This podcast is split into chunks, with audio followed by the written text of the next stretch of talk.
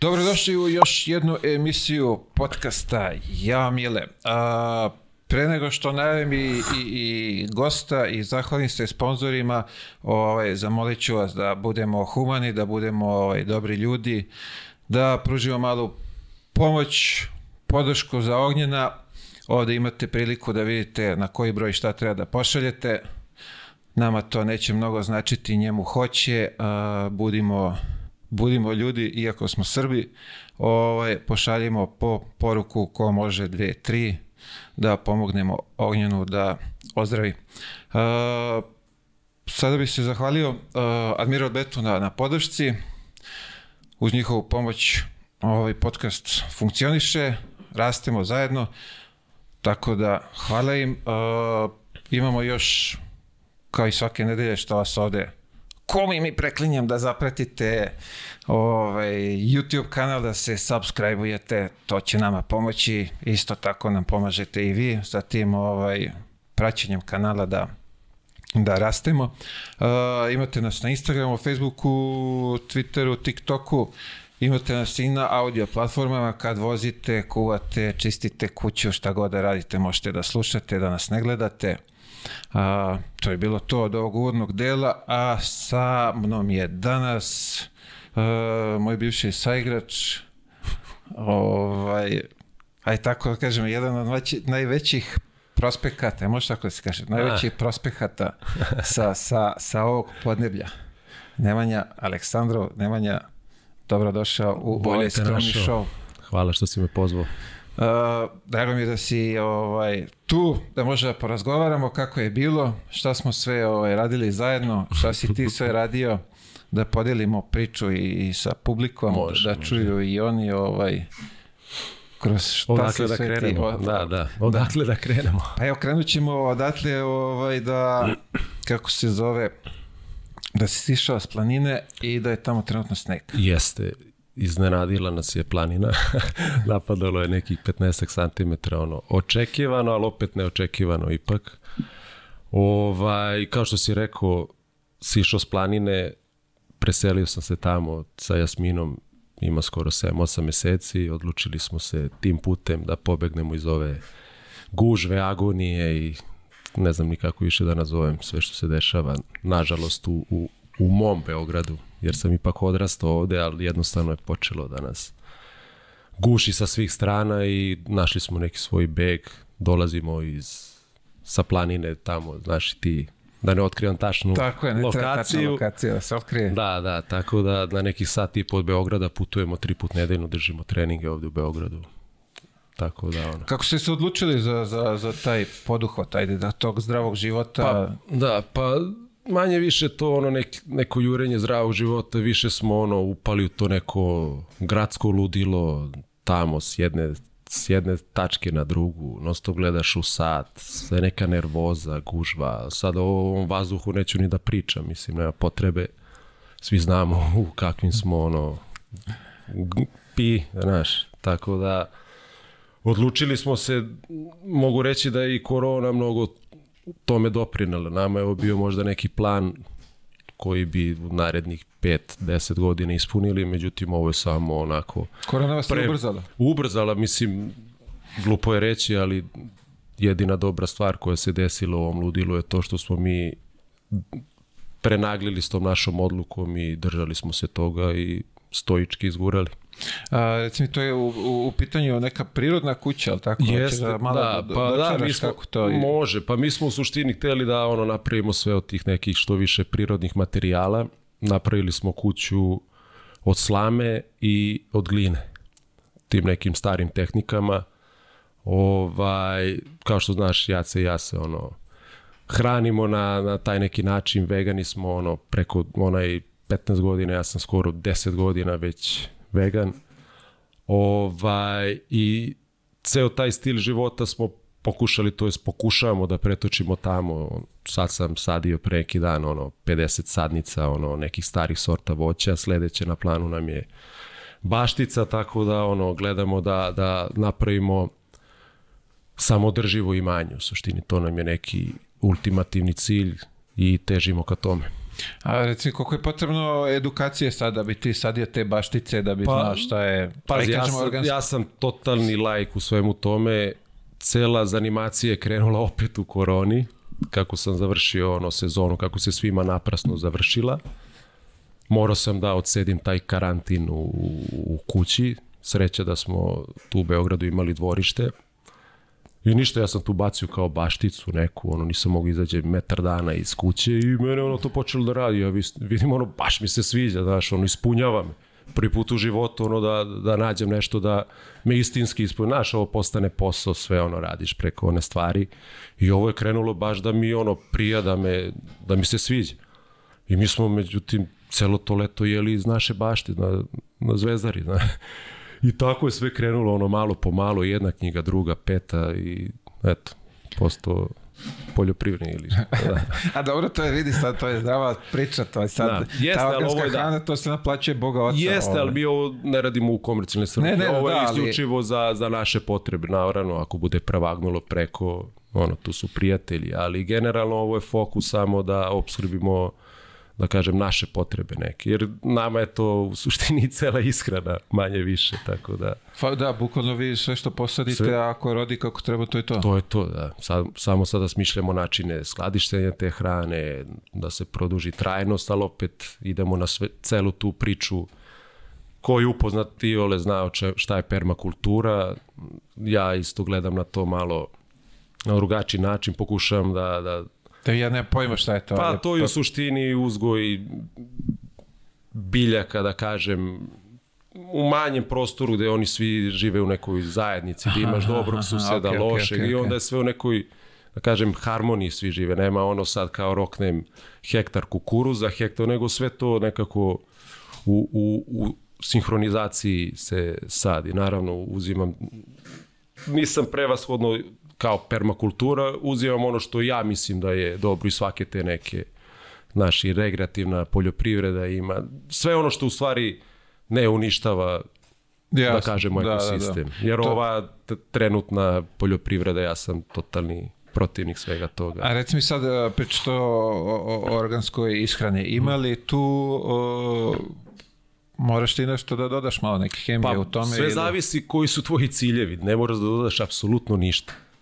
Sad sve zavisi koji su tvoji prohtevi, kolike prinos, prinose očekuješ prevashodno. Obzirom da se mi nećemo komercijalno baviti, mislim da ćemo naše potrebe moći da obskrbimo, to je da zadovoljimo bez ikakvih hemije. To, to nam jeste cilj. I sad kad smo sadili voće, sve smo sadili te neke stare sorte voća, isključivo stare sorte, koje su kalemljene na, na divlje jabuke, divlje kruške, pa ćemo da vidimo šta se desi. Ovo je i za nas neki mali eksperiment, ali ono, skroz smo u tome. A To je, sa- sad je moment kad se sadje, tako, kad se kalemi i sve jeste, to. da. To je, kal, ovo su već gotove sadnice tipa oko dve godine stare i ništa, ono, iskopao sam brda rupa, brda kamena izvadio, ono, raspo se. Pa dobro, vidi, to je stvari, to je da, ali pazi, mene to ispunjaju. Pre bi, ono, opet pristo na takav neki rad, nego da se vratim, ono, na na teren i, i U opet u patike. te vode, u patike, nikad više. A e, ovo me zanima, kako, je, kako izgleda taj veganski način života? Pa Ka, pazi, prvo me zanima pa, da si prelomio da pređeš na Pa to. pazi, ja sam isključivo prelomio iz etičkih razloga, jer je mene krenulo ono da, da, da sabija to što, ajde da kažem, da krenemo te stvari, imamo psa, ono, imaš, imaju mnogi ljudi psa i onda je nekako taj, ne znam ni da li mi imamo tu reč za spišizam, ono, kad gledaš jednu vrstu, to jest pas, pasa doživljaš na drugačiji način Ok. okay. odnosu na drugu život. I onda je mene etički krenulo da izjeda to što ja ono kao mora neko da bude ubijen da bi ja imao hranu. Međutim sad apsolutno mislim i ono, zato sam i postao, mislim da je apsolutno nepotrebno to raditi. Naravno, to je sobstveni izbor, niti namećem nekome, ali jednostavno je krenula da me izjeda iznutra. Zašto kao njega mazi, a, a ovoga kao nož u leđa, razumeš? A nema potrebe sad, ono, da ne ulazim sada u Kapiram, kapiram. sa naučne tačke uvek opet imaš za, ima protiv, to neću da ulazim, ali ja sam isključivo i ja i Jasmina krenuli iz etičkih razloga. Kako je, kako je bio taj moment pre, prelaska na tu... Pa pazi, prelazak je bio što se mene tiče izvaredan, zato što ti prvo što osjetiš to je taj neki naboj energije. Jer ti mnogo više unosiš tih enzima, vlakana. Jednostavno, ta hrana koju ti jedeš ti daje više energije. Međutim, ono, naišao sam na dosta predrasuda, znaš, ono, svi su povezivali bilo koji loš rezultat, odmah, e, zašto si ve, Evo ga, evo ga ove ne jede meso, vidi ga, znaš, i uvek sam se susretao sa tim nekim, da kažem, osuđivanjem, međutim, mene je ono, boleo stojko za to, iskreno, ja sam furo ta, tu priču i ono, Čekaj, ostaje sad uh, riba tu ili ne? ništa, ništa, ništa. ništa. bukvalno ne jedemo ništa životinskog porekla. Dobro, svaka čast. Da, tako da, mislim, to je ono stvar navike, ti da si odgajan od malena tako ti za meso ne bi ni znao, tako i ovo. Sve je stvar navike, ono, ja sam izašao iz meso, mesožderske porodice, međutim, to nije, nije presudno, razumeš, jer ako proradi ta neka, drugo je kad ti postaneš vegan ili se hraniš na taj način, ne mora da se zove veganstvo, prirodno, ovaj, ne mora da znači da ćeš se ti hraniti zdravo, razumeš. I, I ti kad proradi ta etika u tebi, tu nema nazad, znaš, tu lažeš samog sebe. Mislim, ti ja sad kad bi kao iz etičke, aj sad ću presku, mislim, Da, ne da, ide da, jedno da. s drugim. A ti kada si postaneš to iz nekih drugih razloga, pomodarstva, bla, bla, bla, e, onda tu, znaš, dolazi do tih... Jesi upao nekad u iskušenje da botneš Nisam, neko veruj mi da nisam, jer ti totalno tvoj mindset namestiš tako da uopšte ne razmišljaš o tome, to bi ti bilo kao ono, brate, jel bi ubio nekog. Razumiješ, Da, da, bukvalno da, se da, graniči da, da. sa tim, tako da to tebi u malom mozgu uopšte nije, ne gledaš na taj način, razumeš. Kako ono? Ne da nisu došli iskušenje, nego ono, ni, ni blizu toga. Ne rekao neko sedne na pečenje pa kao Ma, ono, kak, zahvalica mašta. ma kakvi, to može samo da me odbije. Ne može nikako da me privuče. Da. Ovaj, daj mu te sami malo da ispričaš o, o, o gradnji kuće i to. Koliko to trajalo? Kako, Uf, kako je to zahtevno bilo? zahtevno Mislim, sad te, da. ti nekom kažeš kuća od slame, on, verovatno ljudi razmišljaju šta pričao je od blata. oko Mislim, šta je da, to? nije to sad ono da živimo u kolibici, ono ja i jac, ono naguri unutra, to je normalna kuća, normalne dimenzije, samo što se slama koristi faktički kao izolacija i cela konstrukcija u stvari radili smo kameni, kameni osnov, Hteli smo da odredimo da zadržimo taj neki autentični, da kažemo, srpski stil seoskih kuća. Namerno smo angažovali sve lokalne majstore, to nam isto bio jedan od glavnih ciljeva, da što više možemo da, da uposlimo, da kažemo, lokalne seljake, a koji opet imaju tu neku tradiciju u, u, u, u gradnji. Ovaj, međutim, ni oni se nisu susreli s ovim. I za njih bilo nešto novo. Bilo je nešto novo, međutim mi kad nešto zacrtamo, to je to. Tako da smo ono išli malo proisp... istraživali, raspitivali se, angažovali smo jednog čoveka isto iz toj krajeva koji je išao ono, da kažemo, savladao zanat i ništa, krenuli smo, ono, odradi se ta, odradili smo normalni temelj, kameni, gde nam je dole podrum i onda ide tu drvena konstrukcija u koju ti u stvari ubacuješ bale slame. Znači ti stavljaš vertikalne zidove širine bale koliko je, ne znam, 70 cm sa 35 dubine. I onda ti samo u te žljebove ubacuješ slamu i onda se kroz tu slamu kasnije nabijaju, mislim da su slagaću ti vrbini štapovi. Radi zemljotres i to da bi to imalo neko, da bi imalo neki ono um, minimalan rad prilikom Da, da, tih da. gibanja. Ništa, onda se na to nanosi ovaj glina, u stvari ta glina je mešavina gline, ima, ima neki odnos koji se meša sa peskom, mi smo malo i gipsa stavili radi sušenja, jer smo malo kasnili sa izgradnjom, ušli smo u ovaj neki kišovit period i ništa, to je to, ono, zatvor, zatvorili smo sa glinom, s polja smo stavili drvenu oplatu i mislim to izgleda kao kuća, samo što je nama sada zid pola metra i što nam je izolacija, ono, mnogo ozbiljna. Nema da svira nigde, ne do... Ni, ne da ne svira, nego ti nemaš pojam, nemaš dojam šta se napolju dešava. Ono, ti vidiš da se ono savijaju drveća, da ono leti sve, ti ništa ne čuš unutra, bukvalno ništa. I isto smo kroz smo stavljali, pošto smo stavljali gore panele, ispod panela smo uh, stavljali ovčju vunu, ne, ne tretiranu ovčju vunu. Pošto seljaci to tamo bacaju u nenormalnim količinama, mi smo uzeli, ne znam, 500 kila, nagurali ispod plafona i napravili smo faktički još jedan sloj Ovčijom izolacije. vunom. Ovčja netretirana vuna, jer ona ima neki, zaboravio sam, sastojak u sebi koji u stvari te, tera bube, tera sve, niko, neće da idu na, na, na vunu, a ona ima termo, termoizolaciju sličnu kao kamena Da, voda. da, da, da. da. A čekaj, to je, uh, ispravi me sad, sa unutrašnje strane? ispod Sa unutrašnje, da, ispod, ispod plafona, sa unutrašnje strane. Aha, I onda smo preko toga stavili gipsane ploče, faktički. Poga. I, da, i ti uopšte ni nemaš predstavu šta se ispod nalazi, ali eto. I s unutrašnje strane smo isto stavili gips. Da, tako da ti nemaš predstavu od čega je ona napravljena, ali kad vidiš debljinu zida, izolacija, Pa toplotna, vidi, zvučna. 35, koliko si rekao. 35 je samo Bala. bala, pa tu ide, ne znam, folija, pa ide, ne znam, glina i onda na kraju smo stavili, mislim da je 2,5 cm daska preko svega toga. Tako da to izađe na neki pola metra. Tako ovo je prva, ovaj, prva zima, je tako? Prva, z- ajde da kažemo, okuš, ono, malo smo zakačili prošli, nismo se preselili, ali smo često bili gori, ono, znamo o čemu se radi, ovo će biti prva prava zima.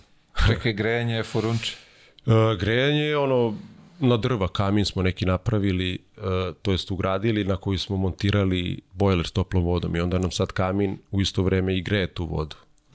Tako da nemamo one neke toplotne gubitke što se toga tiče. Naravno, solarni paneli su uvek tu. I, to, sad kad pričaš o tome, ti solarni paneli, kako to radi? Jel to ima, je li efikasno? I ima, kako Što vidim sad je to masovno... Jeste, ovaj, pogotovo u ovakvim nekim nepristupačnim predelima da ti u stvari nemaš ni pristup struji. Mislim da, da je to neophodno ako hoćeš da napraviš neko samodrživo domaćinstvo, da si totalno nezavisan od spoljnih faktora, to je ono, podmoranje.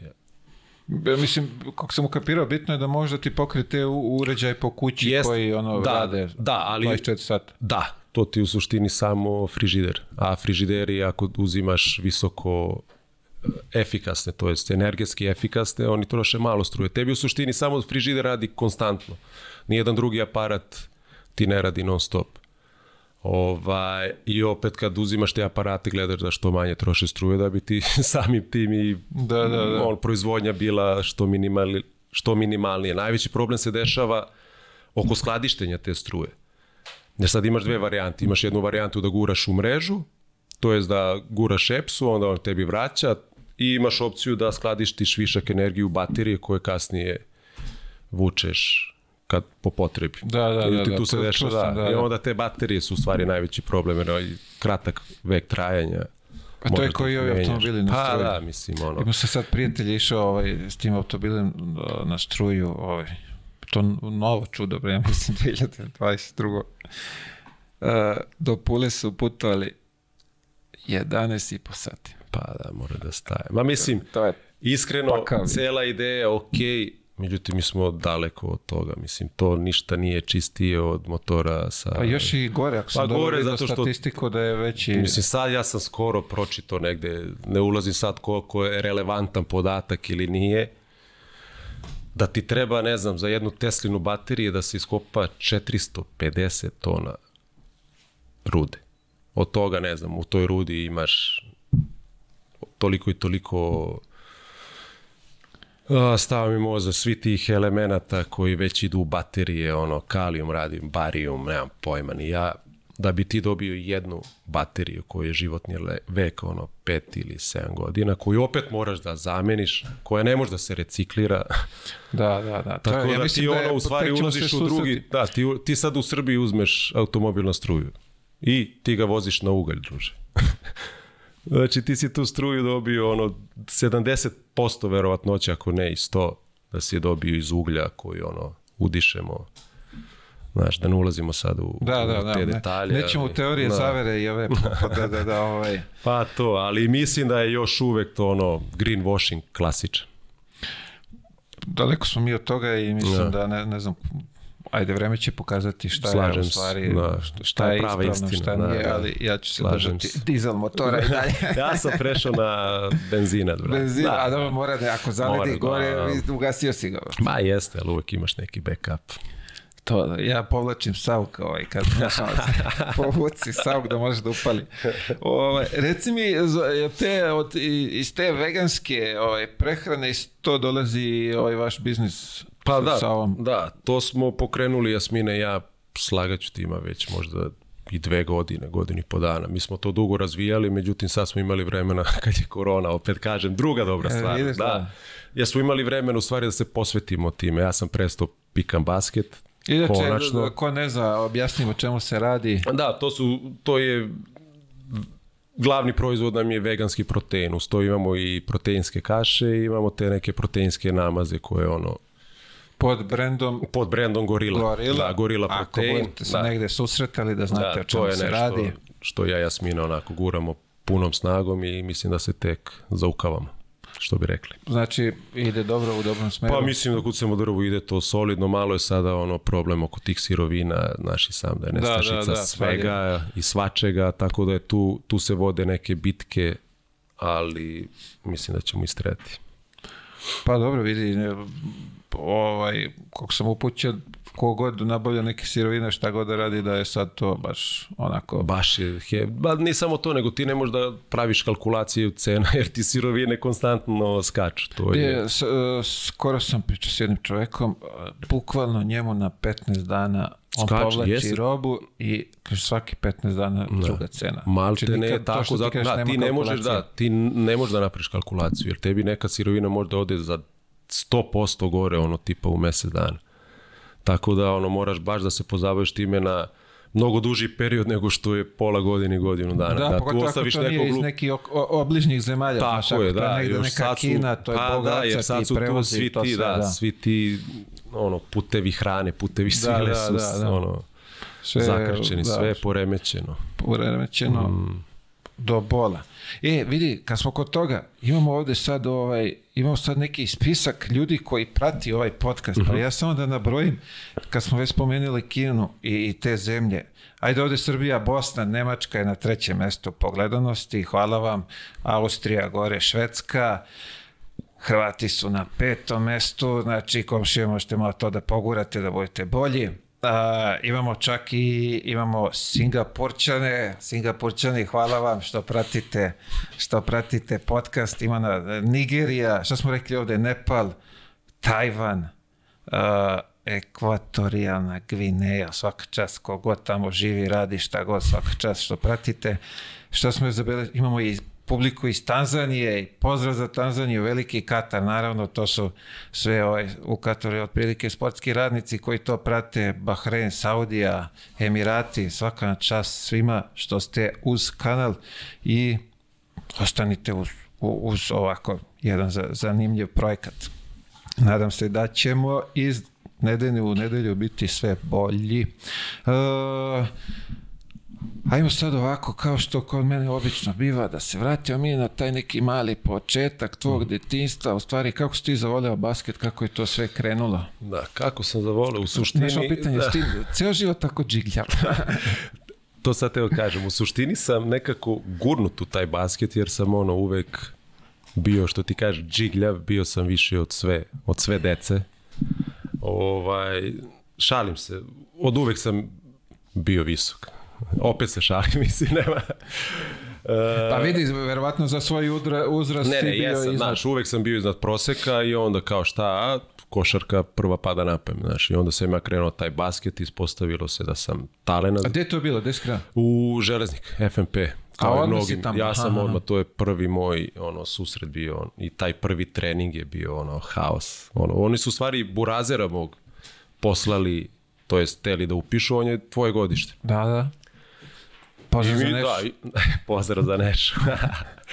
I, ovaj, I onda oni kao, aj kreni ti, možda i ti možeš, možda je rano, možda nije, mi nismo imali pojma s koliko se kreće. Ono, on došao, kada je to bilo, 96, 12 godina, to oni njegovi uveliko već peglaju basket, ja 9 godina taman. Međutim, ja pojma nisam imao ni pravi, ma nije ja ono visok, kao ono dve leve noge i oni mene puste tu, vad, znaš, mi došli prvi trening, ono, na dva koša. Bra, moj burazer, on na klupi, pozdrav za Nešu. I on kad uđe u igru, on se uvati kao boli ga noga, znaš. I kao, aj ti ja u igru, kao čuvaš ovog igrača. Ja čuvo njega i u napadu i u odbranu. Ono, ja uz njega, ono, flaster. Moji izašli, ono, iz sale, sramota ih bilo, znači, pakao. Tako da je to ono neki moj prvi susret, međutim, izgleda da sam gradivo, brzo savladavo, pa je ono išlo tim nekim E, vi sad kad pričaš prvi trening, ja se isto mali kad se odveli na, na prvi trening, to je bilo 20. oktobar tamo. Aha, na Novom Beogradu. Tako je, da. I ovaj, Jel tako? Da. Jeste, da, Partizan- Partizan tako je, tamo tako igra je, zeleni Partizan, da, to je. da. Ja, tamo sam i počeo kod, kod Ace Bućana i ovaj, sećam se, došao sam prvo, znaš, došao gledam, oko sala, sve ono, lopta i isto taj fazon kad su me ubacili da, da igram ja.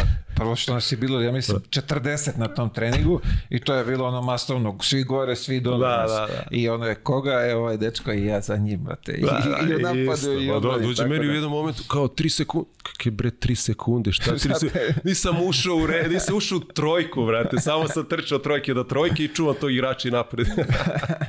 pa kao, pa kao. Ma, znači haos. Ono, baš me kasnije kad razmislim, baš sramota. ovdje. A dobro, do početak. Pa šta si, imaš šta i ovi koliko? znaju, kapiram da su me da. sprdali tao i ga, znaš. A do, ako si, ako si upao u stariju Pa generaciju, u posao, pa to je bilo, znaš, ono, od jutra, mislim, ono, generacija od pet godina, od 84. pa nadalje, znaš, tako da je tu bila, ono, mešavina ozbiljna, svega. Pa dobro si ti ovaj, u, u tom momentu, u toj generaciji. Kako si ostao ti u toj generaciji? U, u železniku? Ne, ne, u tom u, generaciji Burazera. A Buraz, pa, pazi, to je bila kao manje više škola košarke, ali je bilo združeno Više Da, godište. i onda se pojavio Vlada Vukojičić, on je preuzeo tu 8-6 generaciju i onda su mene pripojili njima kao, eto, napredan.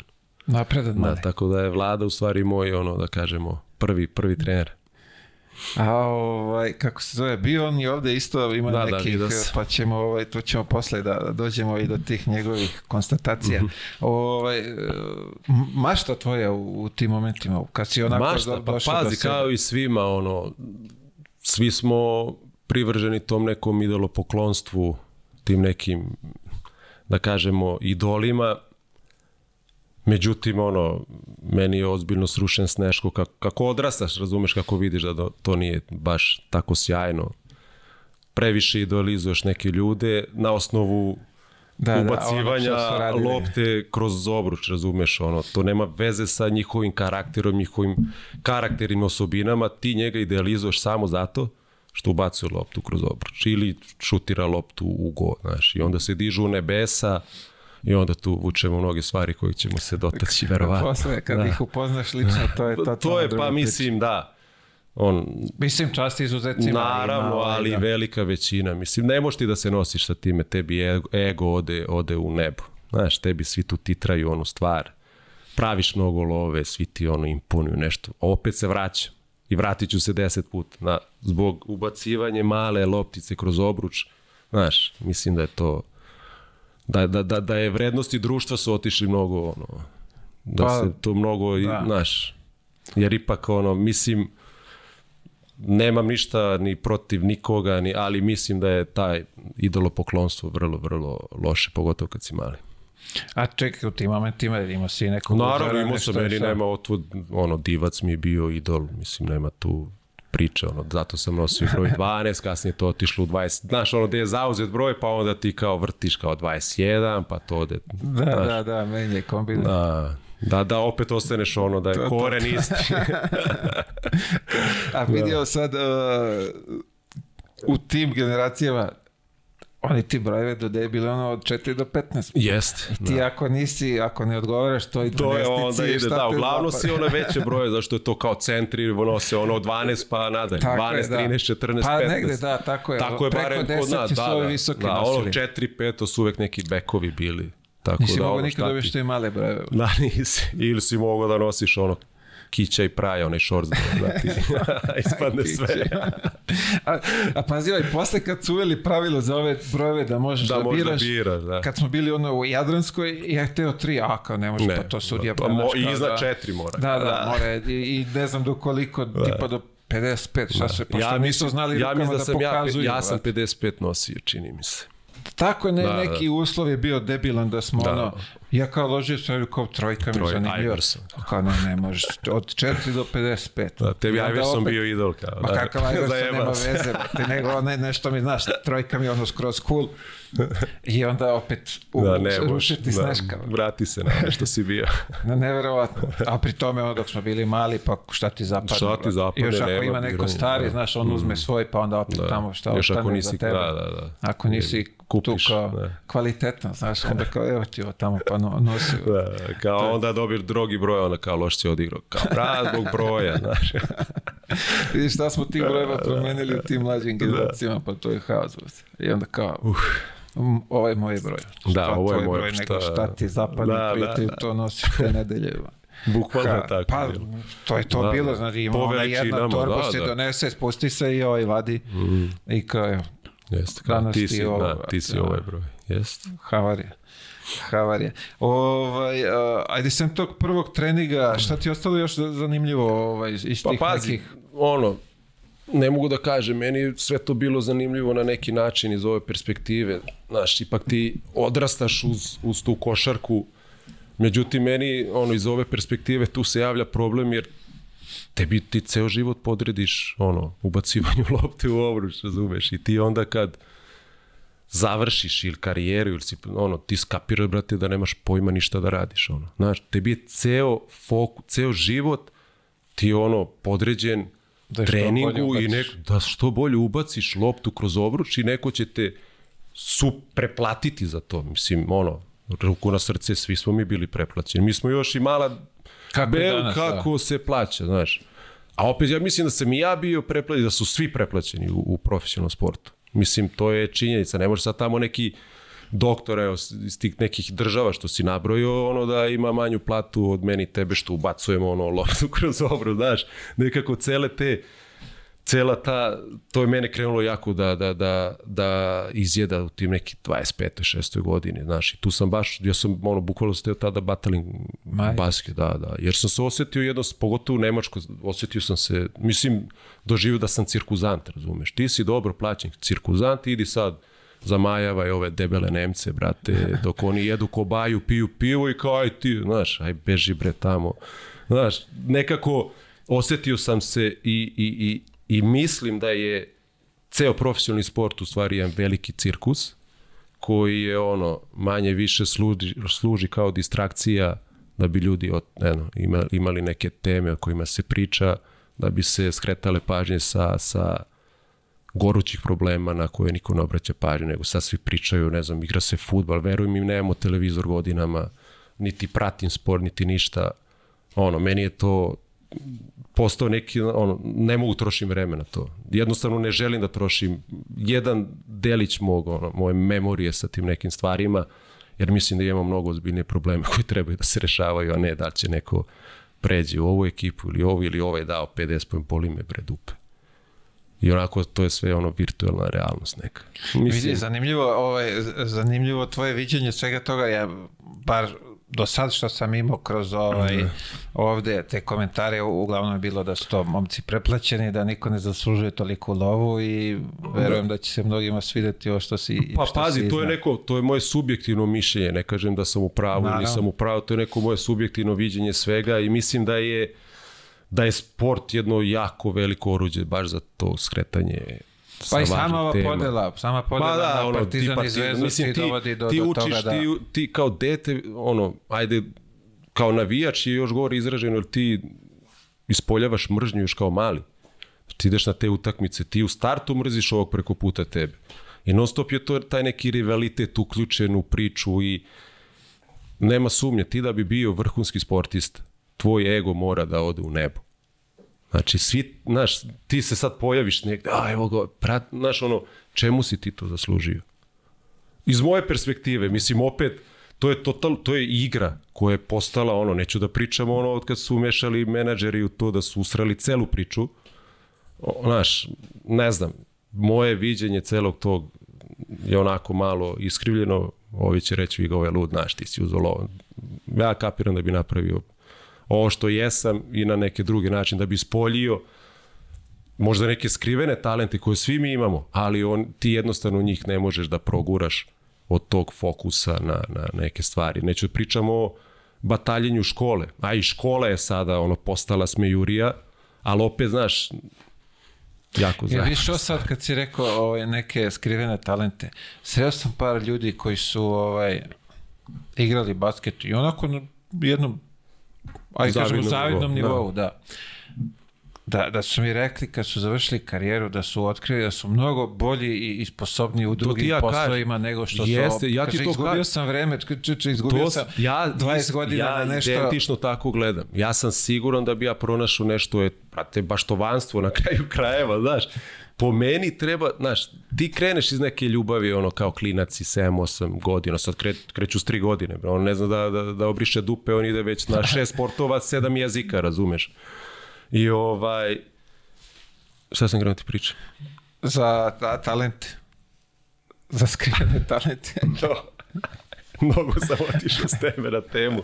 Ovaj, I ti te kasnije skapiraš da si, brate, možda može, mogu u nekom drugom smeru da odeš. Šta, šta što si 2.15, ono, mislim, gde To je piše, samo kao, ajde, guraj zbog visine. zbog vidi visine, je, ali opet tebe guraju sve to radi čega? Radi neke slave, radi nekog novca. Jer ti ideš sada kao vežba što jače, jače da bi išao u neki drugi klub za što više para. I uvek ti je to merilo. Da uzmeš što više, mislim, bude sad ono kao ja reću idem tamo, bolje mi, ali juriš za što više para. I ti se onda uđeš u taj začarani krug materializma i jako je teško izaći iz njega. Znaš, jako je teško jer ti praviš, ono, mnogo love praviš i sve, sva vrata su ti otvorena, razumeš? Ali onda kad se ta slavina zatvori, e onda šta ću sad? Znaš, i onda imaš jedan pokušaj, dva, treći, ono. Kako kiksneš, Mm, gotovo to ti je to, pa da, i jednostavno kada ti se taj perso, persona razvija u tim momentima, ti si ono trening. Tebi je najveći problem u životu što ne što igraš 15 minuta, ne igraš 17, ono. Hoću te probleme, znaš ono, da mi to bude glavni problem, a ti se bakćeš time ceo život. Trener me ne pušta, znaš, pa onda tu opet razvijaš neki vid, mržnje prema saigraču, prema treneru, prema protivniku, prema, znaš, non stop si u tom nekom ono, strahu od svega, razumeš? Bukvalno. Da, i non stop si u toj nekoj paranoji, ja, ja ne znam, ono, svaka čast ljudima, to jest košarkašima koji, ili igračima koji posle igračke karijere se pretoče odmah u trenere, jer to je ono, kapiram, puta 10. Jer ti si onda 24 sata. Znaš, ti ovo kao završi trening, ovo ono, pa kao malo, od, ti si ovo 24 sata. Pa vidi, da, m, bukvalno. Ja ne znam. Bukvalno, jer gledajući me- sad od njih par koji su prešli od te trenere, pa ti brate, ne, to ti, je... to je ono, Brate, ti možeš voliš brigu od 15 ljudi. Znaš, gde pa ti onda tu, da, gde ti tu porod, gde ti, gde su tu tvoje, ono, čime se, šta te zanima u životu, sem, ono, statistika, ko je koliko dao, šta, te koga, su, jako sutra svi zaborave šta se desi, imaš one trenere s ambicijama, ono, kad smo klinci bili, evo te, pioniri, on se tamo gura ovog da osvoji tu, ko, su, za godinu dana zaboraviš ko je uzeo pionirsku, koga boli uvo. I ti tamo kao ono, Pa ja mislim da je to sad i najveći problem ovaj, ko, ko, ajde, naše košaktija, opet pokušat ću što ovaj, više da te držim van ovih sadašnjih problema, Da, to. pošto nisi u tome, ali kad kažeš tih trenera tako što ima da, da osvoje nešto, oni to osvoje I tu što se- ti kažeš, tu se zaboravi se to br vrlo brzo. Znaš, ti u, tim momentima, izvinite što te prek, ti u tim momentima guraš možda neke klince radi rezultata, ne, ne vidiš dalje od toga. Da će možda taj klinac da ti za dve godine nosi ekipu, a ne u tom momentu neko što je, brate, ušao brže u pubertet i kao razbijaš Je, tamo to- i to kasnije jači, ostane da. ono, centar kasnije vi ga igra playa. Pa naravno kad si ga gurao da se tamo ono bije jer je viši i jači od drugih, razumeš? Niko nema tu tu je meni Vlada Vukojičić u stvari najviše i pomogu, jer je on u tom momentu, ok, ja sam izžigljo, ali ne znaš da li ćeš ostati na toj visini, malo dobaciti ili ćeš biti 2.20. I onda je on tu mene terao da ja igram malo i playmakera, malo da igram i dvoje, ja sam sve pozicije pokrivo i onda sam zato i tu neku koordinaciju pokupio da sam kasnije imao, da kažeš, lakšu prođu u toj nekoj... Pa vidi, u, samom startu bi trebalo da svi znaju tehniku dobro, da, da, da Tako, imaju. za svaku Jer ti ne poziciju. znaš ko, na kojoj će poziciji on kasnije završi Kako i ti kad da će znaš da koliko stane ti da, da- da, da. raste i da Upravo li će to, bude bucko da. ili će bude ga je, brate, žgoljav i... da, ili će da izđigla, brate, 30 cm. To je to, ali od malih dana. nogu gurage na centra i Guro je na centra će njemu doneti pionirsko prvenstvo dole u, u Bujanovcu ili, znaš, ono, koga boli uvo, brate, ono, razvi... Ako već, opet, nisam ni za razvijanje talena, tako mene pitaš, mislim, ali, ono, jebi ga.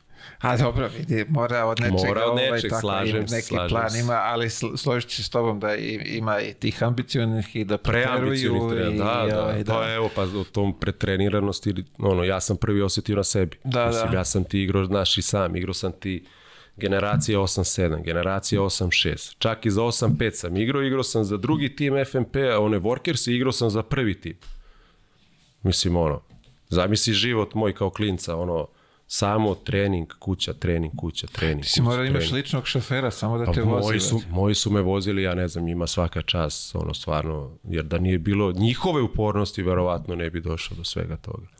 Jer to je ipak, znaš, ono, dva treninga dnevno, ono, u školu i škole, na tre, više ne znaš gde ideš, ne znaš za koga igra, ne znam koji dres, ono, nosim, za koga sam sad, ono, došao. Jer kad si za starijima, ono, daju ti šta da, ono, u svojoj generaciji si Da, kao, mora možeš da nosiš sve. biraš, da.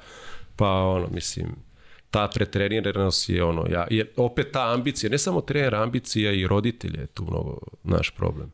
Opet imaš i roditelji koji ono hoće da naplate fizikalije ili šta god talenat svoje dece i onda to ode totalno u pogrešnom smeru, ono, gledaš rasturene porodice i sve Da, da, da. živo zarad eto nekog ono lažnog uspeha. Viđali smo tamo u železniku sve i svašta. No, naravno. Mislim, nije samo tu. Ma da, ali je tu najveća svugde, koncentracija dece bila, mislim, Tako i je, da. se- oni su prvi napravili taj internet, ali onda ti vidiš tu kako se ono rasturaju ozbiljni ono životi te dece i tih roditelja koji ono gledaju na svaki način da oni uspeju pa se tu ono zajmiš pa ono da ne ulazim u tu lošu tematiku ali je jako A recimo sad kad spominješ roditelje vozite levo desno, i, i, jesu oni mogli donekle da, da malo to koriguju te tvoje treninge, da ne igraš za, za sve selekcije Pa moguće suštini- koje po, postoje u tom klubu? Mogli su, ali oni nisu imali sad toliki uticaj u tom momentu, razumeš, ni na trener, ni na mene, ja sam bio zagrižen ono do, do zuba u tome, znaš, ti samo vidi, tebi samo cilj da bude što bolji. I ti si zaslepljen jednostavno tim, tom željom za uspehom u stvari. I onda kad malo tu te odigraš nešto dobro, onda tebi ego skoči, ti si kao bitan. Da, onda da, da. dođe ovaj pa se tu nakupe ono uf, ozbiljan šljam, razumeš, ljudi koji ti ono, ne želi dobro, žele samo da izvuku jer te gledaju ko zlatnu koku, znaš, ono, u tom periodu Što kad je bila priča, ma bio. mislim, ono, kad, kad bi ti pričao te, znaš, nije ni, ni mesto ni vreme, ali generalno u tom periodu mog odrastanja je ono, bio sam okružen ono, ozbiljnim pijavicama, od menadžera i mojih menadžera i menadžera koji su pokušali da budu moji menadžeri, mislim, to je ono, pakao. I ti onda skapiraš, brate, samo će lovu da izvuku te, samo te kroz lovu gledaju. I onda kada kreneš manje da praviš Kad si para, to ukapirao, brate? Kad si ukapirao da je pa, samo... znaš kad sam ja, pa ukapirao sam u suštini kad je krenula cela, znaš, ona cela fama, povreda, bla, bla, bla, i onda kad kreneš manje da donosiš love, e, onda si prioritet prvog reda, drugog, trećeg, petog i tako. Tad su, što bi se reklo, pale svoje maske, a? Pa, u suštini, da, mislim, ti si bio svestan toga, ali, znaš, ne dotiču te te stvari. U tom momentu ti si bitan, ti si ono kao, igraš za reprezentaciju, ono, možeš misliti. Ne znaš da vrneš ono, dva šrafa i sijalicu zameniš. ali znaš da ubaciš sa 7 metara, brate. Da, da. To, znaš, ono, to se ja i Jasmina zezamo, ono, šta smo naučili u životu, ono od košarke, ono, da ubacimo loptu i to ono, mora da bude određene gramaže, znaš, ono, kao je stani kao da vidiš šta znam da uradim. Ono, bravo. Talena, mogu na semaforu ono, da idem kao bacam vrtim. Ne znam ni loptu da vrtim na prstu, ono, mislim. To mi, na. Ali jedina, mislim jedina, iz moje perspektive opet i moje subjektivno mišljenje, da, da ti razvije taj neki karakter, znaš, ono, neke, jednostavno ti ne da da, da odstupaš u nekim stvarima i onda tu, tu si ispolji karakter. Ne može svako da uspe, znaš, u tom sportu. Mora da imaš i taj neki karakter. IQ Vidi, nije tu bitan. gradi, to da, IQ gradi. nije bitan. Ti ako ima želju, tu, gradi se karakter, slažem se i to se izgradi. To je ono jedna od dobrih stvari sporta da kažeš, ali umerenog sporta, ne profesionalni sport nije zdrav. Kogod to kaže, profesionalni sport nije zdrav kraj priče, mislim, ono, ti znaš sam, ono, pola nas smo bogalji, bre, ono, u 35. godini. ideš treninga na trening, a i samo te gledaju ko potrebi. Ima neki drugi Mili Ilić koji će doći, ima neki drugi Aleksandro koji će te zameni. Ti si u I to tom još momentu... bolji, znaš, kao, još da, bolji da, da, nego ovaj. Šta ovo ćemo, znaš, doći će neko Ide drugi. sledeći. Da, oni tebe gledaju kao potrošnu robu. I mene je to jako ono porazilo u tom nekom momentu i sve sam igrao za njih ne znam ni sam koliko godina na silu, jer i, i ja sam imao taj strah sad ako šta ću radim, ne znam ništa radim Da, u životu. I onda smo ono krenuli da pravimo tu priču sa salom, hangar što smo držali i ono i tu, tu, tu, tu mi je bila neka sigurnost da kad prestanem da opet imam nešto što ja mogu da se utočim. Jasmina se tu našla, ono, baš, ba, ma, da, ona je no, napravila ozbiljnu priču na, na, na, celu ljub, ljubav prema tom fitnessu i trčanju s preprekama, znači sam, tako da ja sam se samo tu nakačio, pripremao teren da, da se pretočim u to, tako da, ali kažem ti, definitivno da treba na vreme razmišljati šta posle. E, tu imamo i taj isto, Da. ovaj, E. to mi je nekako, ovaj, Ma to je najbitnije u celoj ovoj priči, razumiješ? koncept o, o, o, ovog mog podcasta i poduhvata da vidim da li neko bio spreman za to posle. Da li imao planove Kažem i ti, koliko mene je bio spreman. mene je, ono, jako rano uvatila frka šta posle. Znaš, jer ti imaš ono, ajde dok praviš tu neku lovu, ti Vidi, imaš da, pravo na ima, grešku. Kad ima redovne love, sve je Zato ti lepo. kažem, ti imaš pravo na grešku. Znaš, možeš jedan čorak, dva čorka, već kasnije, znaš, ono, možeš se vadiš. Ali kad završiš, koliko god para napravio, ti to sve, u jedan biznis ti to ve- sve možeš da spiskaš. Razumeš? E, Jer ti zato kad praviš biti 5 i miliona, ovaj- isto ti da napravio 50, jer ćeš ti gledati da uložiš u neki posao koji će ti doneti više love. A ti Tako. opet nisi u materiji. Pa ti se tu onda nakače onda savjetnici, nakači ti se ovaj. Gle, opet samo gledaju da te izmuzu Svi više. smo mi prošli kroz takve ove savjetnike, imali smo. Pa to ti kažem, ali oni svi nakači i onda nešto, a, nema ih, brate, nema ih na mapi. I meni je dobro što se meni jako brzo, to jest rano u, u mom nekom odrastanju smanjio taj krug ljudi s kojima uopšte ono koje smatram prijatelj. Znaš, ti imaš poznanika, nije isto imati poznanika, Naravno. prija, ali taj krug ljudi se jako smanjuje, se jako iskristalisalo u tim nekim, da kažeš, najtežim momentima, pa to je to, razumeš? Kad, kad ti najteži momenti, tad ta ti treba... Prepoznaješ ko je stvarno uz tebe, a ko je bio, Meni je- sreće u nesreće da se to jako... U stvari to iz ove perspektive mogu gledam samo kao sreću, jer opet moramo se dotaknemo, jer vidio sam da si spominjao, znaš, ono, talenat, ovo, greota, jer mene cela ta empatija drugih ljudi, ono, sažaljevanje mi ono proradi stomak iz nekog razloga, razumeš, jer ne volim da me neko saželjeva. Ali vidi, Pogotovo ali ja mislim da, te, da to, o, izvini, ja mislim da čak nije to tolika neiskrena, neiskreno sažaljenje. Pa, ne, Nego on to kaže u onaj, O, pa je, da, šteta, da, da. a u stvari sve misle jebi, ja Ma, ima sledeća, aj teraj, brate, To šta? tek da ne pričam, Da. razumeš. Nema tu iskrene, ne, ne, Nema, ne, ne, i ta... žali za, za Nema, ali to. kažem ti, mene to još ono više proradi, jer iskreno, iz moje perspektive opet, najbolja stvar koja se meni desila je ta povreda. Jer ja da sam sa tih koliko nepunih 18 godina se povredio, tu su već bile projekcije, milioni, kamioni, pijavica jedna, pijavica peta, znaš, ono, javljaju se ono rodbina za koju nismo ni znali da postoji, razumeš? I paf, povredim se. I sad iz ove perspektive gledano, ja smatram najiskrenije da je to najbolja stvar koja se desila. Jer ja da sam u tom momentu otišao NBA nebitno neki tim, mislim da bi totalno otišao u drugom smeru. Mislim, otišao bi možda bi za nekog bio super, ali za sebe samog Da, da, da. mislim da bi bio jako loš. I vi sad ovde dotakao se svih tih pijavica i loših investicija i svega toga. A, mislim, imam želju da, da skrenem pažnju da je mnogo o, bitno da je čovek i finansijski obrazovan. Da zna, da zna sa financijama da upravlja na vreme i ovaj Definitivno, ali je mnogo teško kada ti imaš maltene konstantan prihod koji je enorman. Možda u tebi u tom trenutku nije normal, jer ti gledaš koliko drugi zarađuje. I kao, brate, ovaj pravi ovaj ima više više od mene. mene. I tebe uvek to kolje, znaš, kao, brate, ovaj pravi više love. Mi, ti, ti nisi, ti nisi, ne možeš da odiš sa realnošću, brate. Ti praviš, bre, brdo love. Znači, prosečan košark de, pravi brda love. Opet se vraćamo te neke doktore što spašavaju živo. Ono radi bre za 300 dolara tamo, 500 dolara, ono spasio 10 ljudi dnevno. ti si ljud, brate, jer ti kasni plata dva dana i što nemaš više 20.000 nego 15.000 mesečno I što 2 onaj miliona. tamo u drugom klubu Što ima više. više, ma, znaš, ono, to su to, i kako ti možeš da u suštini proizađeš normalno iz svega toga. Po meni je, ono, neću kažem nemoguće, ali blizu nemoguće. Jako blizu nemoguće. Da ti ostaneš, ono, Znaš, da ti, da, da ti ego se spusti na taj nivo završetkom karijere. Zna, ne možeš kad dođeš sad, brate, ti si postao legenda nekog sporta i sad gde god da se ti pojaviš, to, a, a, i tebi, znaš, ti ne možeš kao da se odupreš od toga. Ono, ja bi naj, najviše volio da me niko ne poznaje.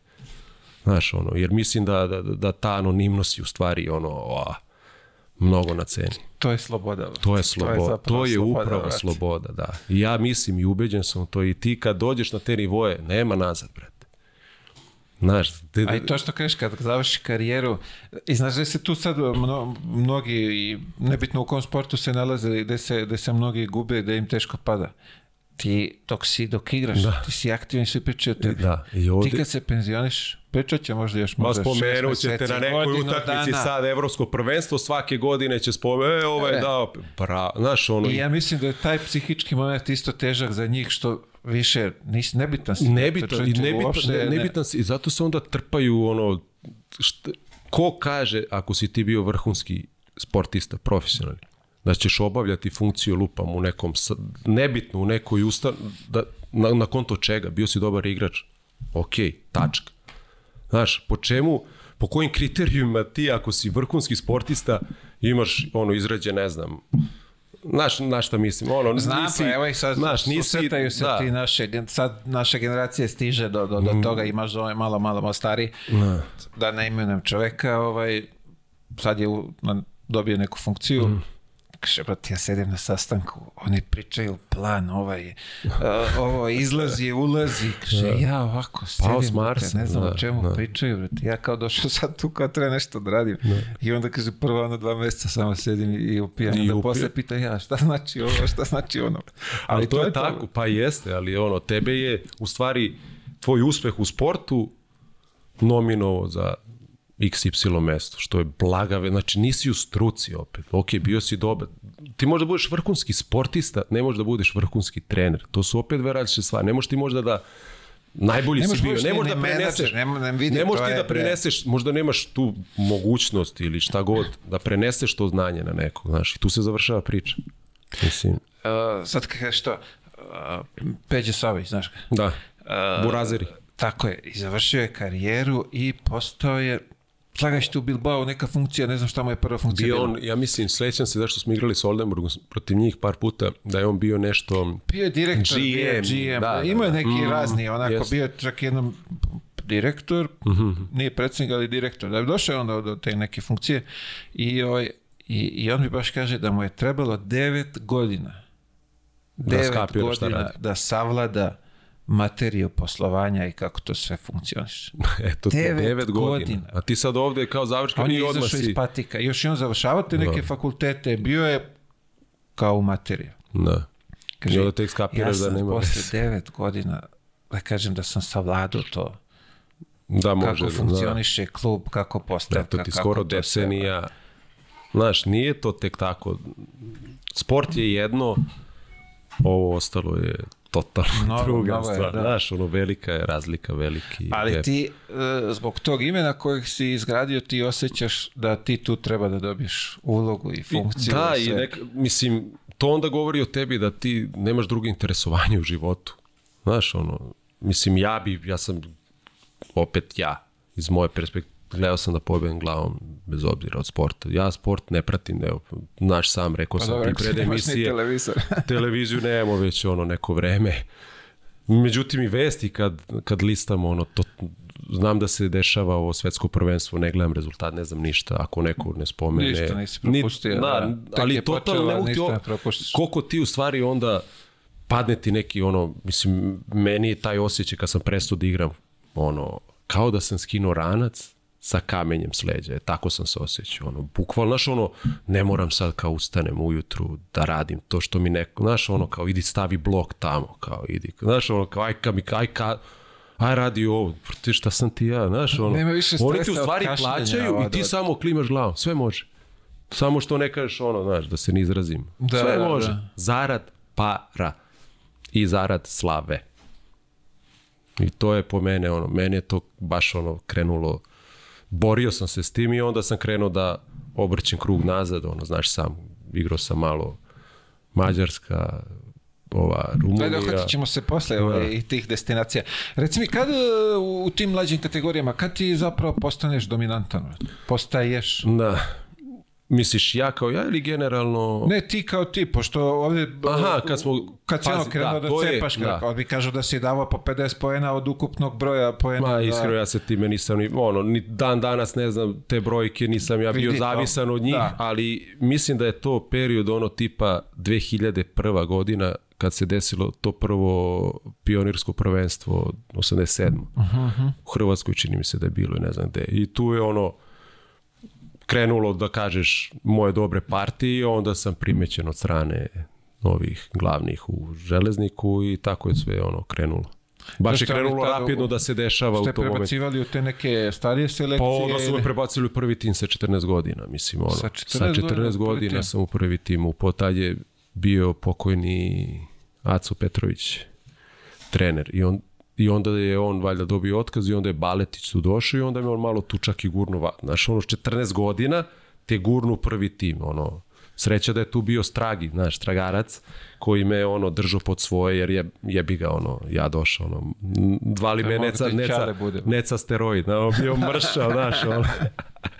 I onda mi je on tamo bio, i Goran Nikolić, on, on je imao pozanstvo sa mojim pokojnim ocem, baš su ono, imali taj neku relaciju dobru i onda je on ono pazio, kako se zove, na mene, tako da ja nisam imao te neke, da kažeš one poteškoće koje se dešavaju kad si, znaš, ono, klinac uđeš u prvi tim. Stvarno, ono, meni je bilo med i mleko. Toga Stragi mi je bilo Stragi me je držao pod sve, nisam niko pisne, ono. Znaš, a imao si tu, znaš, ono, mangupe. Pa vreme. bilo ih je, da. Mislim, ne znam tad u tim Pa generacijama... bili, da ih ne imenujemo, ali bilo je onako mangupčića koji su se ono, ponašali u tom momentu. Ono. Pa dobro, da. Egoistično. Da, da, da, sad znam, znam, onda, sad znam na koga misliš.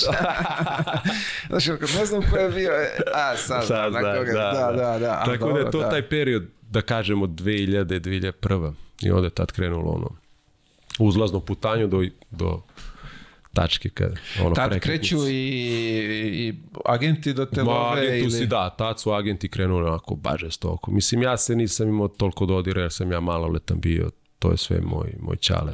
Roditelji su... Tako, oni su tu pružali otpor. Oni su na kraju krajeva tu, ono, koliko je moguće, mislim, to je sve ist, ono, da ne kažem, izraz loš. Svi su Slobodno, i- ovo je da, sve može ovde. Svi su ista slobodni, govna, brate. Slobodni mediji. Ono, samo te gledaju kroz lovu. Ono, i lažno. Znaš, ono, i pokazuju ti druge vrednosti, znaš. Tebe on uči ono šta, šta radiš s lovom, kako da se ti, znaš. Umjesto da ti pokazuje, bre, ono, uzmi tu lovu. Znaš, ono, usmeri na pravi način. Nemoj samo ribe, automobili, satovi, jahte i tako dalje. Znaš, mislim da da su oni dosta narušili taj profesionalni sport jer se oni mnogo pitaju. Znaš, ti ne možeš bez menadžera sad. Da. Vredno, stvarno ne možeš.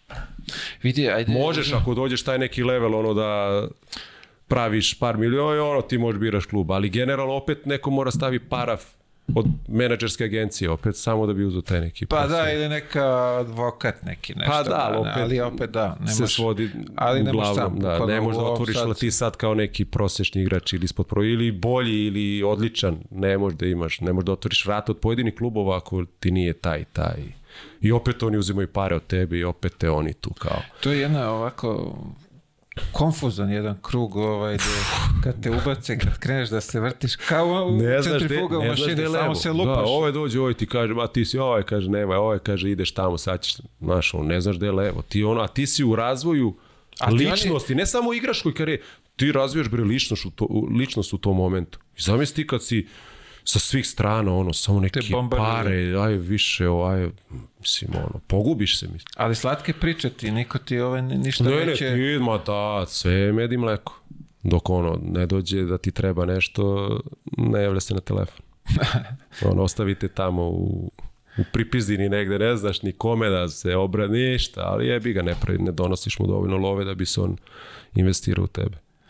I imao sam i ja tu situaciju isto. Da, Da, da, sam zna, zvao manje više, Da se da. nisu javili. Nisu, da. o, ja, I to je ozbiljna frka bila tada, ali...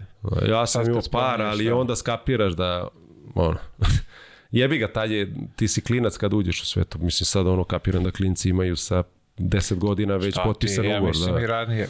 U stvari da, desetka tu. Čim ono kreneš ako malo Da, nešto je... odmah se pojavi njih nas. šest, dati kao patike, ono, zamaže ti oči, ti kao klio, u, da, znaš, još ako si iz manjeg mesta neko, pa kao, znaš, nisi dobro stojeći, u, da, ali mi, sećaš se, ono, delili su end van šakom i kapom tamo po železi. Samo idu i dele, kao, kao vizit kartice, kao, i ti ono, kao, o, dao mi patike, kao, sad će onda mi bude menadžer. Mislim, ono, katastrofa. Evo vidi, ne znam sad kako funkcioniše to, ali Ne verujem, znam, ni ja niti želim, brate. ali da, verujem da se makar malo to nešto pomaklo na bolje. Pa ne znam u, u kom smislu je moglo da se po, pomeri u bolje. Ja- Iz moje, barem dok sam ja igrao, a to je do pre dve i po godine, ništa se nije pomaklo, čak i otišlo i gore. Jer su se tu krenuli da se prave dilovi između menadžera, trenera, klubova, onda ti može ovaj igrač da ako trener hoće ovog igrača može, ali ide ovaj u paketu. Znaš, ono, pa ti daješ provizije svoje, da što mislim, ono, našlu, naslušao sam se, ono, sve i nagledao svega i svačega. Tako da, iz moje neke perspektive, ne ide na bolje. Ne ide. Uh, ono što bi ja voleo i sad, da li to neko radi, nemam pojma, da makar imaju nekog, vidiš, ti ako se već tim poslom baviš, ti tu trebaš imaš nekog pedagoga, psihologa, Slažem se, apsolutno. finansijskog, ajde kažemo, savjetnika. Da te usmerava u nekom smeru. Da te Da. obučava, znaš, da budeš Slažem se. Mislim, to rade već da u Americi, možda- vidio si to, ali koliko oni zapravo pomognu tim momcima. Znaš, ti dođeš na taj, to mora da se radi jako malih nogu. Jer ti već To kad to, to je ono zagrizeš... što sam ti rekao da, Da. možeš budeš ovaj, finansijski obrazovan. Jeste, da, da, ali da ti znaš, to moraš, ali, ali ti već zapostavljaš treba- školu, to- ti zapostavljaš, sve zapostavljaš zarad te košarke ili tog futbala ili tog XY sporta. Tebi je ceo fokus u tom i ti ćeš sve zapostaviti. Bukvalno sve. Jer ti si podređen da uspeš da budeš novi divac, novi bodiroga, novi ono... Šta? Šta novi? Mislim, ono, Jasno. sve se svede na kraju, Pa to je to. bravo, ono, Ali- evo ti aplauz, bravo majstore, Bravo, majstore. i ono, Vidimo se Lep, kad se lep. desi da, sledeći. Da, za, spomenut ćemo te za sledeće evropsko prvenstvo. ono, mislim, barem tako ja gledam. Ne znam. Ja sam promenio jako mišljenje, jer sam imao ono osjećaj da iskusim i high level, i low level, i medium, sve. I onda sam, ono, tako su mi se sklopile neke Svašta se kosti. tu nešto desilo za, za ajde kažemo tako kratko karijeru. Jest, jest. Tako da je bilo Da, bilo gore, dole, levo, desno, ali kažem ti, ne bi menio put ni zašto. Jer me je upravo dovelo tamo gde treba da me dovede. vidi, drago mi je ako, Mhm. a, ako je tako i ovaj, ako si sad ono što bi se To je svoj na svom, ono, priroda, priroda, priroda. Ali dobro, sad, sad ti nisi ovaj društvo nema koristi od tebe nikakve. Jedeš svoje proizvode, ne trošiš Ne, ne, ne, ne, ne društvo, sistem ne. Sistem. Sistem ne. Sistem nema ništa od tebe, jedeš svoje što zasadiš. To jeste problem. Zato, zato, su nam, zato su nam prodali priču da je dobro živeti u gradovima. Nije dobro. Znaš, tebe je ono... Nije Mislim, dobro aj, živjeti na uspuh. Nije dobro živeti u ovim okolnostima nikako, mislim sam vidiš, ono, gušimo se, šta pijemo, šta jedemo, ono. Znaš, ako nekog ne tangira to, mislim da je taj neko u velikom problemu. Znaš, nije nama problem da li ćemo uzeti zlato ili ne, brate. Problem nam je šta dišemo, šta jedemo, šta pijemo, gde živimo, s kim živimo. Znaš, ima lista ono prioritetnih problema koji se ne rešavaju, koji se guraju pod tepih, ali eto, ono, Nole uzo Wimbledon. Mislim, nemam ništa stvarno, no, svaka čast skidam kapu, ali, znaš, neće nam Wimbledon doneti nikakve koristi ovde što nemamo kanalizaciju, nemamo ovo, nemamo ono. Znaš, Nažalost, nažalost, Da, stvarno. tako I, da. ima, ima takvih problema, i, Ima. ima. mislim, slažem se, Da, mislim pogotovo da, sad da. u, u, U ovom ovo momentu ne znaš bre koji gori problem. Je, ovaj, da, Ma, ne znaš koji gori problem. Energetska kriza, prozor, energetska... ovako, ne znaš da li je dan, da li je noć, Ne da znaš, se pa, probudio. mi tačno kad dolazimo s planine, tačno vidiš onaj presek stanja, tako ga zovemo, ono, i ono, za, I ulaziš. udahneš vazduh i ideš dole, brate, gnjuriš. Tačno na tih nekih 400-500 metara visine se vidi taj layer ljubičasto sivog, ne znam ni ja, čega. I osjeti se, vrat, krene peče. Znaš, ono, lako je da se navikneš na čist vazduh. Baš je ja lako. sam, ja se prošle godine, ja mislim, silazio sa, sa, sa Divčibara u Valjevo dole.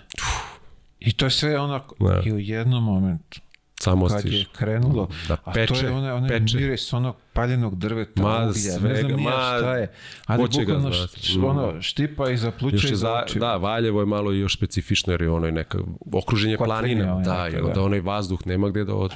Ona brana je isto malo napravila tu neku barijeru.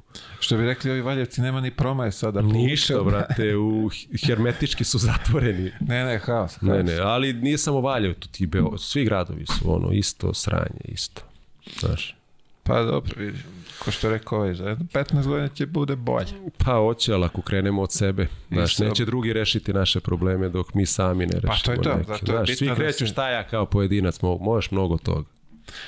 Uh, Pojento je da kreneš od sebe da se menjaš, Slažem pa se. onda... Zamisli da možda- se svi promene u isto, znaš, o, To je tek Da, ali ova, ti razmišljaš kao šta ja imam promenim, ima nas 9 milijardi, kao šta će ja kao sad promenim. I to kaže njih 9 milijardi. I ništa se ne menja, razumeš? Samo ide na gore. Mislim, definitivno da će ovaj sistem da ljusne u jednom momentu, jer je tako i napravljen. Da će sam da se uruši od sebe. Samo ćemo da vidimo da li ćemo biti svedoci toga ili nećemo. Bolje da ne budemo, Nadamo se. pa nek ljusne kako hoće. To.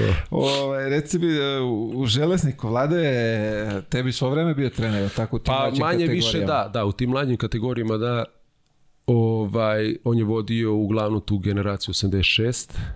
Ja sam bio pripojen njima, slali su me ono gde treba, ono na ratište, ko, To, gde, to, gde to. krpim rupe, tako Zafalilo da, ali mi uglavnom on bio trener, da. I kažem ti, on je najzaslužniji tom nekom mom prvom razvitku u, u, u košarkaškom smislu. A, Teo, kad se priključuje vama? Je on bio već tu Slagač. ili... Nije, on je došao iz, da li metalac ili student, ne znam, više Dobro, ja, Valjevo, ono da, iz Valjeva je došao, Valjevo, to da, je to, da, pokrio da, si. došao je, čini mi se, sedmi raz, zašto je on išao onda sa mnom u osnovnu školu u Ujedinjene nacije. Aha, aha. On se doselio tu kraj kod nas, mi smo malo tu pomogli oko s- smeštaja, jer više se ni ne sećamo, ono bilo je, evo, te pre 20 godina. Mnogo smo matori. I više od 20 godina. 20 plus. Da. Tako da, da, on je došao u tom nekom periodu sedmi, osmi razred.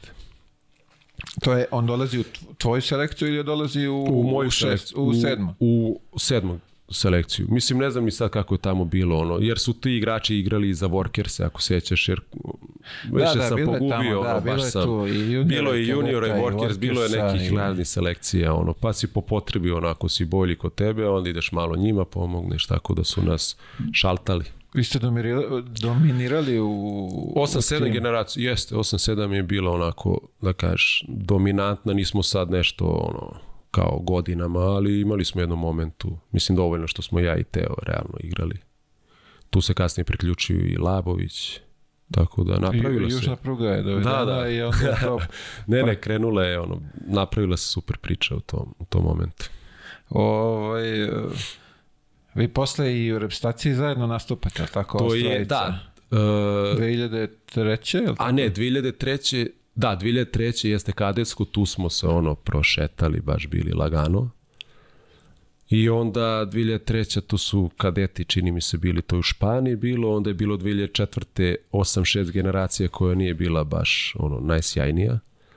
I onda sam se ja 2005. povredio i onda sam tu malo da kažeš, pauzirao s repstacijom i svime i onda smo se 2007.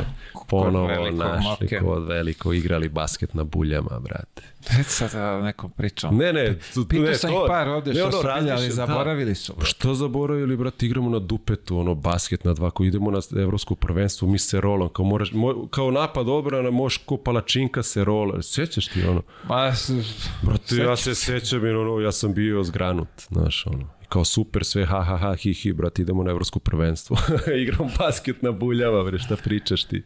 to je bilo, pa bili su oni blokovi, nemoj se dodiruje, znaš one da, da, da, Da, to se reše, seća ono laser, skakavac, ono, one njegove finte neke iz 45. godine, ono, druže više se ne vodi lopta tako, znaš, ono, nošena.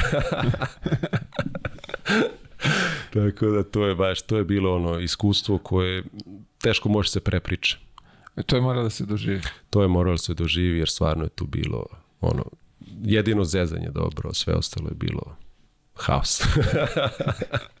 Tako smo i prošli. Ha, vidi, ja sam bio ubeđen da je tu Pazi, nismo imali, se, je. jeste, malo nam je falilo i sreći i svega, ali brate, kako smo krenuli, tako smo završili, mislim, nema tu šta da se lažemo. Znaš, baš je bilo sprdnje. Velika sprdnja. Sprdnja, ono, mi klinci, ono, svi, znaš.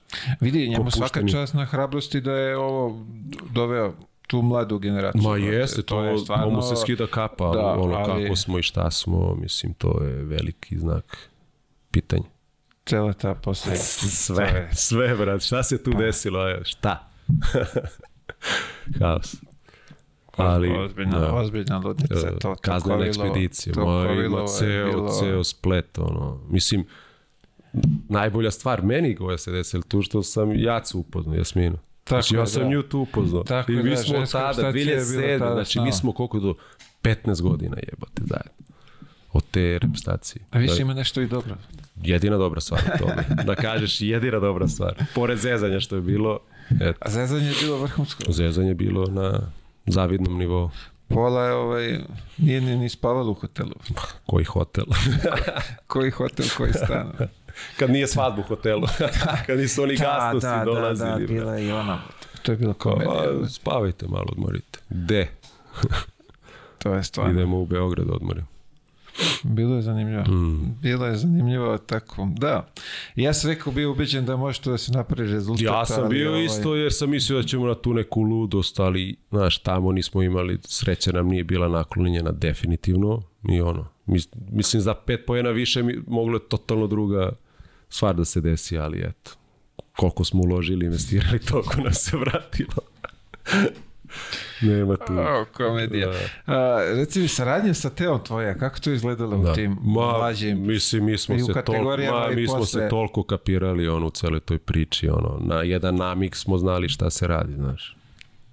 Ono, imao sam Ali tako da kod vas te... dvojice i to je to. Pa da, ono, domunđavamo se, imali smo te neke znakove ovako očima, nešto, samo frne gore, ali, znaš, Teo jebi ga ima taj osjećaj za pas neverovatan, tako da nije bilo meni teško da, da me uposli, jer sam ono imao te neke, da kažeš, izraženije fizičke predispozicije u tom momentu, tako da je ono baš bilo laganica igrati. Bilo je uživanje, da kažem, dok sam još uživao u toj nekoj, dok je bila ka ljubav, dok nije krenulo u sve ovo prepoznavanje showbiza. Da, da. Tako da stvarno smo imali, mislim, znači sam, da ti ja ne pričam sad ovo ili ono, bilo dobro. A nije se ovaj... Jel tad ti ga bolje poznaješ, duže, mislim, duže si bio sa njim, jel on i, i, i tada ovako bio, ovaj, što bi se rekla, blenta s ovom facom? Pa pazi, Teo je ono, isti ceo život po meni. Mislim, nisam ja, on kad je otišao kasnije, pre, razišli su nam se putevi, on, ostali smo u nekom kontaktu, ali nije to sad na ni približno nivou koji je bio. Tako da je on je po meni isti kao što je bio ono i u tom sedmom razredu kad je I tad došao. je pokazio tu Pa da, mislim tu, pa da, hladnokrvnost, ono neko, mislim da ga je to dovelo ovde gde ga je dovelo. Znaš, ono, la, ladan ko špricer u svakoj situaciji. Ali ja mislim da je ovo se pojede iznutra, nemam pojma, ali... Pazi, to ne mogu da kažem, ali verovatno da, ali očigledno nije imalo uticaje na njegove zap- performanse, znaš, ono, sad ne znam kući kada, ali ovako on je ispoljavao to. Mislim da ga je ta hladnokrvno, ispoljavanje toga i dovelo do, do, do svega ovoga. On se Lucidnost. Po, ovaj, to onako deluje to sve no, nonšalantno. Ovaj, do prve pljuge posle. posle se smije. kasnije ne ulazi, šta je? Posle pljuga ne ulazi. Kako Ali, se da. zove, dok ne uđe u slačionicu, dok ne zapali, posle to sve ovaj... Dobro, mi smo jako kao klinci igrali, tad nije bilo toga, tako da to je verovatno kasnije. Dobro, da, posle kad je. Da. Jebi ga, Kad je ne možeš u kako odeš u. Grčku, e, a da ne pušiš pljuge, brate. Vidi, dobro ne vuče onu nargilu sa sobom. Havarija. Ovaj, ajde, dotakli smo se i tih menadžera i kuli i gradova, šta su sve obećavali. Ovaj, sad, kažeš, nisi imao ti tu priču sa njima u pregovore i to. Ma mislim, imao sam. Nije da nisam, imao sam ja dodirnih, ono Ka, svega. ali kako si sad, lupamo, odlučio se za tog tvog agentu? Sad ne znam ni ko ti u je tom bio momentu, znaš kako, agent. celo, Kako da izabereš od svih ti bitno, koji znaju se oni nude? koji znaju, Da. koji trebaju da znaju, znaju. Kako ko si sad bio. izabereš pa, ti u od svih tih- tad, moji su imali poznanstvo sa Zoranom Savićem. I Mhm. onda ih je on posavjetovao ko bi šta bi, verovatno je u tom momentu njemu on bio menadžer i tako cijela priča krenula. Jer ti si ono mogao jednostavno da odabereš, e njega ću ili njega ću. Ovaj se mojim roditeljima, to jest svima nama delo, šta se, ajde, dupe glavac bio u tom periodu, ali to je bio neki, da kažeš, logičan izbor u tom momentu. Međutim, kasnije skapiraš da bi bilo ono, isti đavo. Kogod da je bio isto. Pa ja kapiram da da, mislim, ne znam, možda u tom momentu je bolje da ti je onaj koji ima više prođe, koji ima sad više kombina tih. Mislim, to se sad mnogo, mnogo dešava prethodnom periodu i nije bilo toliko izraženo, ali sad ti menadžeri bre, ono, vode ozbiljne, donose od, ozbiljne odluke i imaju impakt na, ono, na ceo sport. I na klubove, i trenere, Ma na klubove, na, igrače, tre, na sve, šta znaš, on ti se hoćeš. pita ko će bre da uzme, ko si bre ti, ono, uzimaš 10%, zašta bre? Što me prodaješ u belo roblje, ono, imaš 10%, bravo, brate. Ozbiljan biznis. Ozbiljan biznis, znaš, i ozbiljno upropašćavanje i života, što sam rekao, spomenuo bio i porodica i svega. Znaš, zamisli ti ono neko, ono, po svaku cenu hoće da mu uspe dete, ono, iz neke manje sredine, pa se on tu, ovaj mu obeća tvoj mali oto, pa ga dovedeš u grad, pa mu plaćaš stan, pa mu ovo, pa mu školovanje, znaš, on uđeš bre u dugove, onda ga oni otpišu kao slinu neku, jer su procenili da ima neko bolje ili jednostavno nije za to. Tako je, Šta da. taj otac i ta majka da rade, ono, odakle da se izvlače. Onda još to dete ne uspe, ono, haos. A koliko je takvi A slučajeva? To su uspe, hiljade i onda se- ti napraviš kao pet klinaca od jedne generacije, upropastio si sto mladih života. Znaš, ono, I pri tome... Uh, A najgore ono kad ispadneš... I ne edukuju, Ma, ne završeni edu, škole pa tada. Sad bio si sve dok one škole u železniku, mislim, nema me zajeba šta se tamo učilo. Bre. mislim, Ček, ti si išao? tu nisam tamo, ne? išao, daleko bilo, mislim, ali znaš, šta se tamo bre radilo. Mislim, nisam ni ja, on išao sam u gimnaziju kao bolje, ali hoću ti kažem, tamo kad je na skupu ono, znaš, privatna škola, to je bilo. Dobro, to je sad popularno ovde, ovaj, ovaj maksimalno sve što je ovaj može da se u Srbiji, pa evo i Da se- školstvo je pa, krenulo da. privatno, ima ih ima ih popriličan broj Pa pa, vidim je, da je to da. To je uspon, uz, uz, uzelo maha. da, sad Investiraju, kako se i, investiraju u školstvo, je. Ne u prosvetu. Eto, savet. ne znam kako, kako Otvaraj se školu. to radi, ali ovaj, nisam upućen, ali vidim da ima. Ma, svuda ima, gde, ovaj, svuda gde može se pravilo uvijek će biti, mislim. Tako je. ono, Interesanat. Da li je po Cambridgeu ili je po... Da, po Oxfordu, mislim, Oxfordu Bolonji, i- koga boli u ono, Da. prave ti idiota od malena. Ja sam i za to školstvo, mislim, ono, sad ispadne vi ovaj hejter sve, ali mislim, to je moje vidi, to je viđenje, znaš, to je viđenje, moje šta, viđenje tu mislim, tebe, ono, učete bre da budeš ko klinac, ono, odmah. Od, od malena rob kapitalizma, znaš. Tako da, ni, ni, ni, ni diplome, ni ne uvažavam na, na taj nivo, mislim, to svako može dobiti diplom. To ti isto ko sport, znaš, ono, nabubaćeš to, naučit ćeš na pamet i Praksa, učiš bar, nešto, praksa. tako je, praksa, Praksa. iskustvo. Na ličnom iskustvu, mislim da, lično iskustvo ti daje najbolje To ti je ono rezultate. ko, ko, ko, ajde opet ja se na, na košarku reći, to ti je kad imaš ove na treningu što ubijaju, znaš, Da, na practice player, PP. Na Dođe utakmica, on nema ga, bre, on u slačionici je. Ne, od dve Da, da. leve noge, sve se poveže. Na Ali na treningu kida, Najbolji. šuri, lakat, ono, padneš dole, on jako, ovi dođu tamo, nema ga, znaš, uvek, je- svaka ekipa ima po jednog dvojta. I onda poslije, znaš kako sam ja bio dobar. Da, da, da, to, ono, taksi priča, Taksi. bukvalno. Ja kad sam da, igrao, ja, ja, ovaj meni nosio, bravo, brate, super. Šta radiš sa? A, dobro, aj, produži dalje. Ali bukvalno, da, da ima, A bilo, uvek vidi, bilo je i takvih, pa kako nije, imao si ono, ne može se sastaje, brate, ono, krene, trese ruka, znaš, jebi ga i treba se nositi sa tim izazovima u tim, pogotovo u tim krucijalnim trenucima, nije ni to, znaš, nije sport lagan, da se ne lažemo, ali te vodi u pogrešnom smeru. Te lagani se lud. Ne, Vidi, ali ne. tu ako nisi sa glavom čist, Pa da, ali ono, i, ili te on malo pomuti, znaš, ima i toga. to je to. Da. Ovaj, evo, Znaš, ti si non stop u...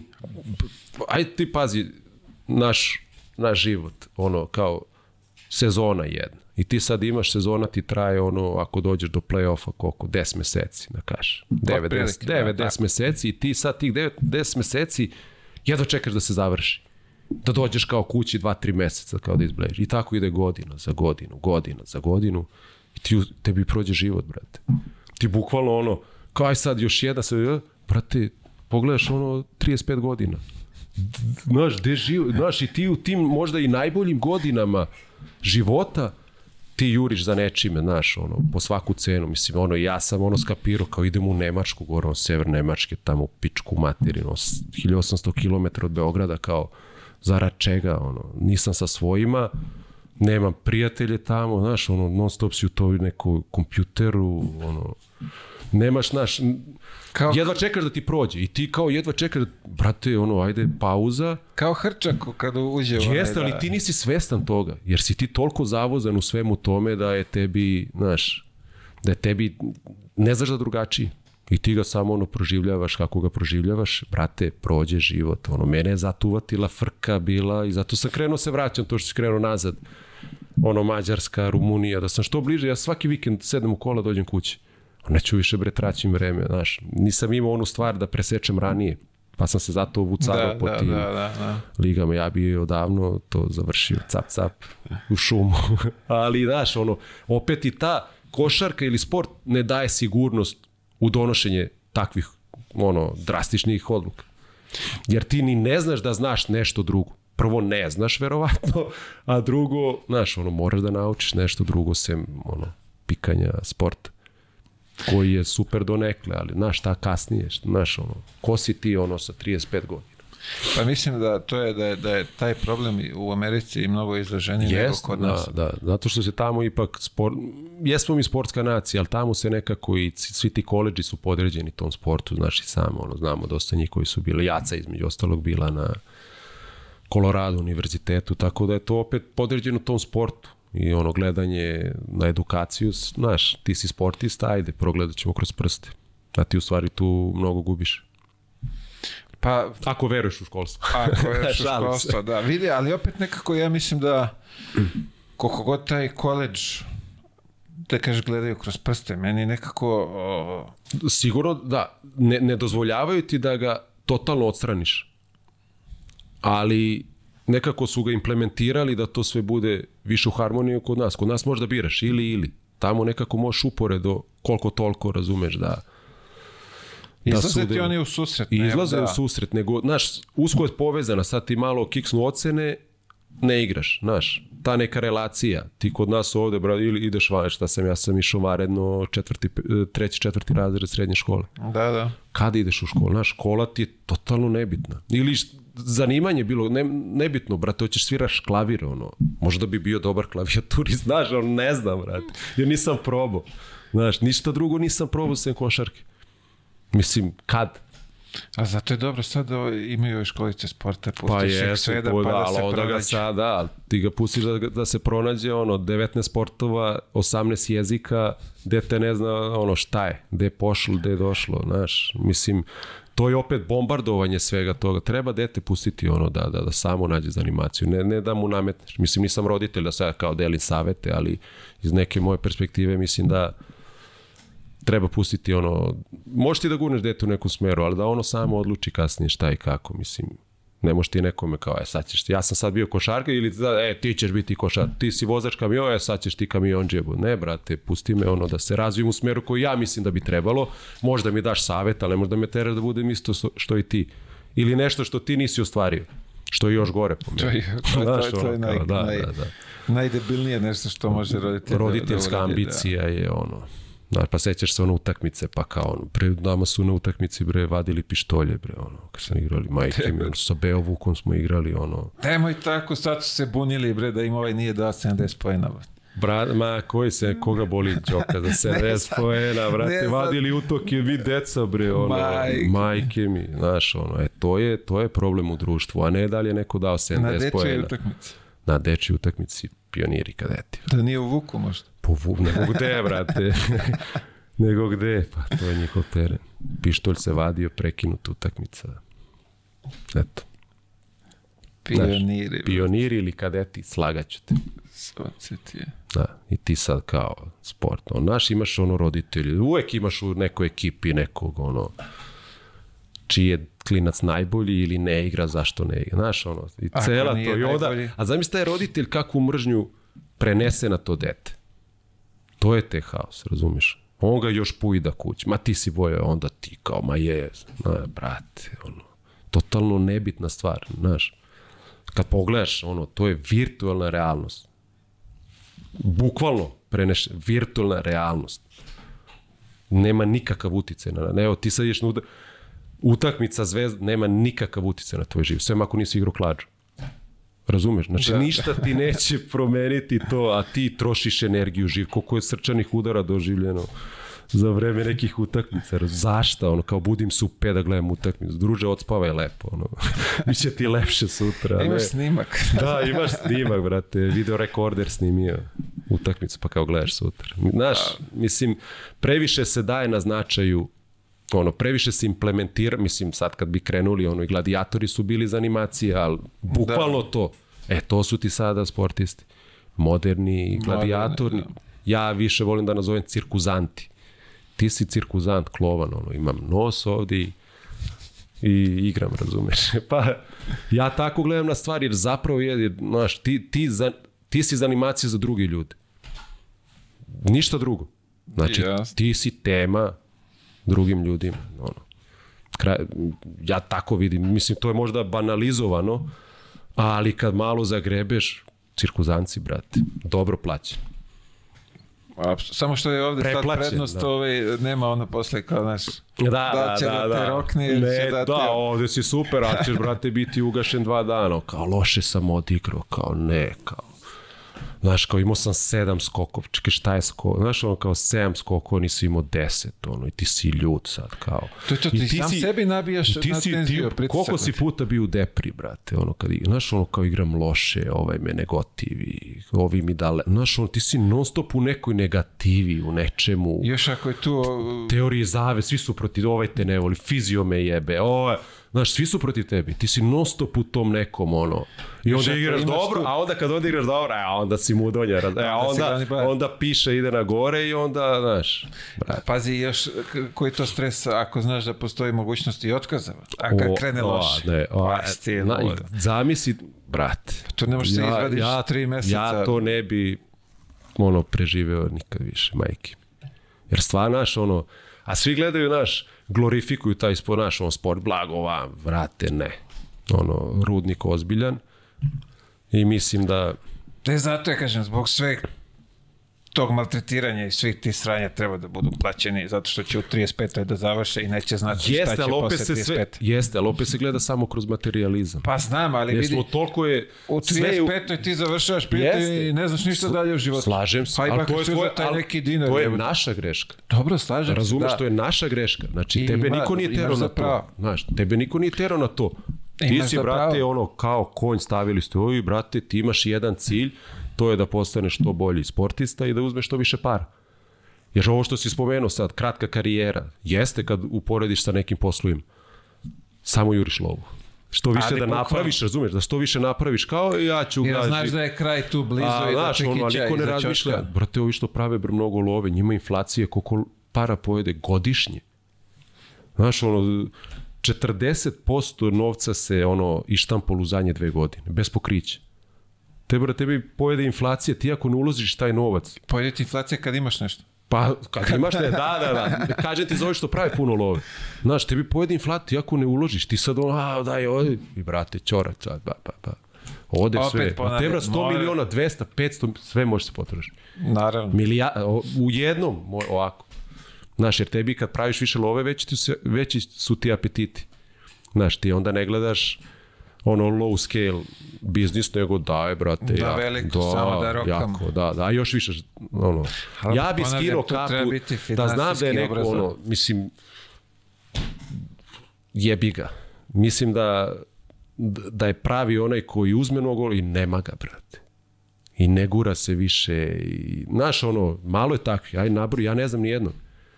da je uzo lovu, da je napravio vrhu i da niko ne zna, da se on ne tura sad negde po nekim, ono, Ali to, vraćamo se opet na ono malo Jeste, pre. zato što... Zato što su ga Jer zaboravili, jer- ali ima taj Ne, njegov zato što ego si- ga vuče da se da bude Tako, je, poznat da i ti dalje si ti samo kroz njemu. košarku. Ti ne postojiš vam toga, znaš. Da ti kažem, mnogo je teško Jest, izboriti ali, se za, s tim ali zato ti kažem, da si nebitan ja bi, karijere. ja da sada, ja bi skinuo kap. Mislim, znam jednog od prilike, ono, malo pre smo pričali o njemu, znaš, koji ono na, i ovako onako gleda, ja njemu skidam kapu, brate. Znaš, meni je to ono prasa, a ne ti sad si nabi, sad ti seješ, ono, soliš pametu, idi bre, ono, ako si ono u materiju, brate, idi troši tu lovu, ono, skini nam se s grbače. Znaš, ono, sad ću te slušam još ovde, ono, odjebi, brate. Pusti nas, bre, Pusti nas, brate, da, da imamo svoje bre. probleme, a ti sad tu mi soliš pamet. Ili hoćeš još, daj kupi ovo, daj kupi ono. Dokle, šta, šta te vozi više, jeba. Znaš, jer ti kad si toma, ti ćeš uvek naći neku stvar koju ćeš da, ono, ideš za tim. I ona te zadovolja, onda ideš na sledeće. Dokle, i tako u krug, u krug, u krug. To je to, kao hrčak u Jeste, onom, da, onom točku, si, da, brate, to je prava komparacija. Ovaj, sad kad smo kod svih tih uh, ljudi oko tebe i ove love silne, uh, pojavljuju se tu sad, ajde pored agenata, tu se pojavljuju i skauti. Uf, skauti, da, njih smo zaboravili. To je jedan veoma bitan žrab bio u železniku. sećam, ja, nije bilo železnik treninga ono- be- bez tih O, ljudi. Da, bre, ja ono klip, bre, kao s prvim timom trenera, ne znam, 15 godina ono njih petorica kao skauti zove skauti, kao e sad će doći ovaj da te gleda i oni te bukvalno kao ono stoku te tretiraju ono na agromarketu, brate, i ti si sad ono lipicaner ili krava i on kao, e vidi ga, ja ću njega, sad ću ovima kažem da, brate, skauti, šta si ti, brate, kao ti ideš i skautiraš igrače, ono, i oni su isto zlo. Znaš, ja sam ih upoznao brda u tom periodu, znaš. A Vidi, su se svi odjavili posle one... Da, v FNP, pa oni su mogli prodaju karte, oni su mogli karte prodaju, bre, skautima, ono, zarađivali bi. Samo što to nisu, viš kako nisu to, ono, na sve su pravili pare, samo na to nisu. Nisu bili više, nisu imali taj marketinški deo. Nisu imali, da, moraju porade na da. marketingu. Ali da, ne, ozbiljno. nisu... oni morali, nisu oni ni smeli njima da zabrane, kao da, si zabrani šameru da ne, i uđe taj na period, i taj period, sećaš ono kao milion euro obeštećenje, milion i po euro obeštećenje, št- znaš ono, čemu pričate, Znam, znaš, ono. znam, znam. Pa zati kažem, ono, kakav bre, šta je, ono, haos.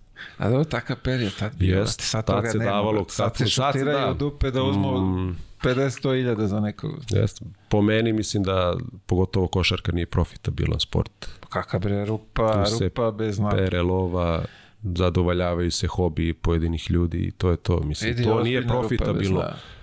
Ruku na srce, Nemačka možda pre ovog sranja što se desilo, je bila tu negde zato što su njima stvarno sale ono, rasprodate, to je svaka sala između 3, 6, 7 hiljada ljudi i one su pune. I mislim da oni, ako prodaju sve karte, da su mogli da, da, da, da zarade lovu. Malo sponzori, malo TV prava, inače ovo ostalo. Mislim, kako bre ti kao budžeti 30 miliona prodaš 300 ulaznica? Pa evo da- ti prošle godine podatak Barsa ili Real. Minus 20 nešto miliona. Košarkaški klub. Samo da, košarka, Da, da. i onda ti dođe, onda ti 20, dođe 30, futbalski klub Barcelona kao napravili 200 miliona. Duguju porez kao mili, znaš, ono, kako, kao praviš pare, duguješ, no, šta se tu dešava? Ono. I oni kao, evo ti 30 miliona, kao igrajte se vi malo. A to je igra veliki broj, a mi to nećemo Pa, razumjeti. znam, to ti upravo kažem, mislim. mi smo Meni je, ja sam se uvek pitao kako može da bude košarka profitabilna. Kad ti poplaćaš sve trošku, ono, salu ne možeš napuniš, ono, mislim, do dakle pare. Šta Ne kao? može, kažem ti, ne može, to je To je, ne da nije profitabilno, nego je ono rupa, bez, što si rekao, bez dna. rupa, rupa, bukvalno. Ajde ovde o državni klubovi, pa tu niko Pa ne da, puta, opet, da. to mi plaćamo, brate. Pa znam, ali oni Da ne uđemo u taj pa dug, ono, mislim, ono, oni neću sada... da je, da, ovaj, ali Kao, evo, kad je pa, privatno, onda se tu već zavraća Pa da, ali slavine, gde to ti se imaš gleda. državni klub preko? Redko je.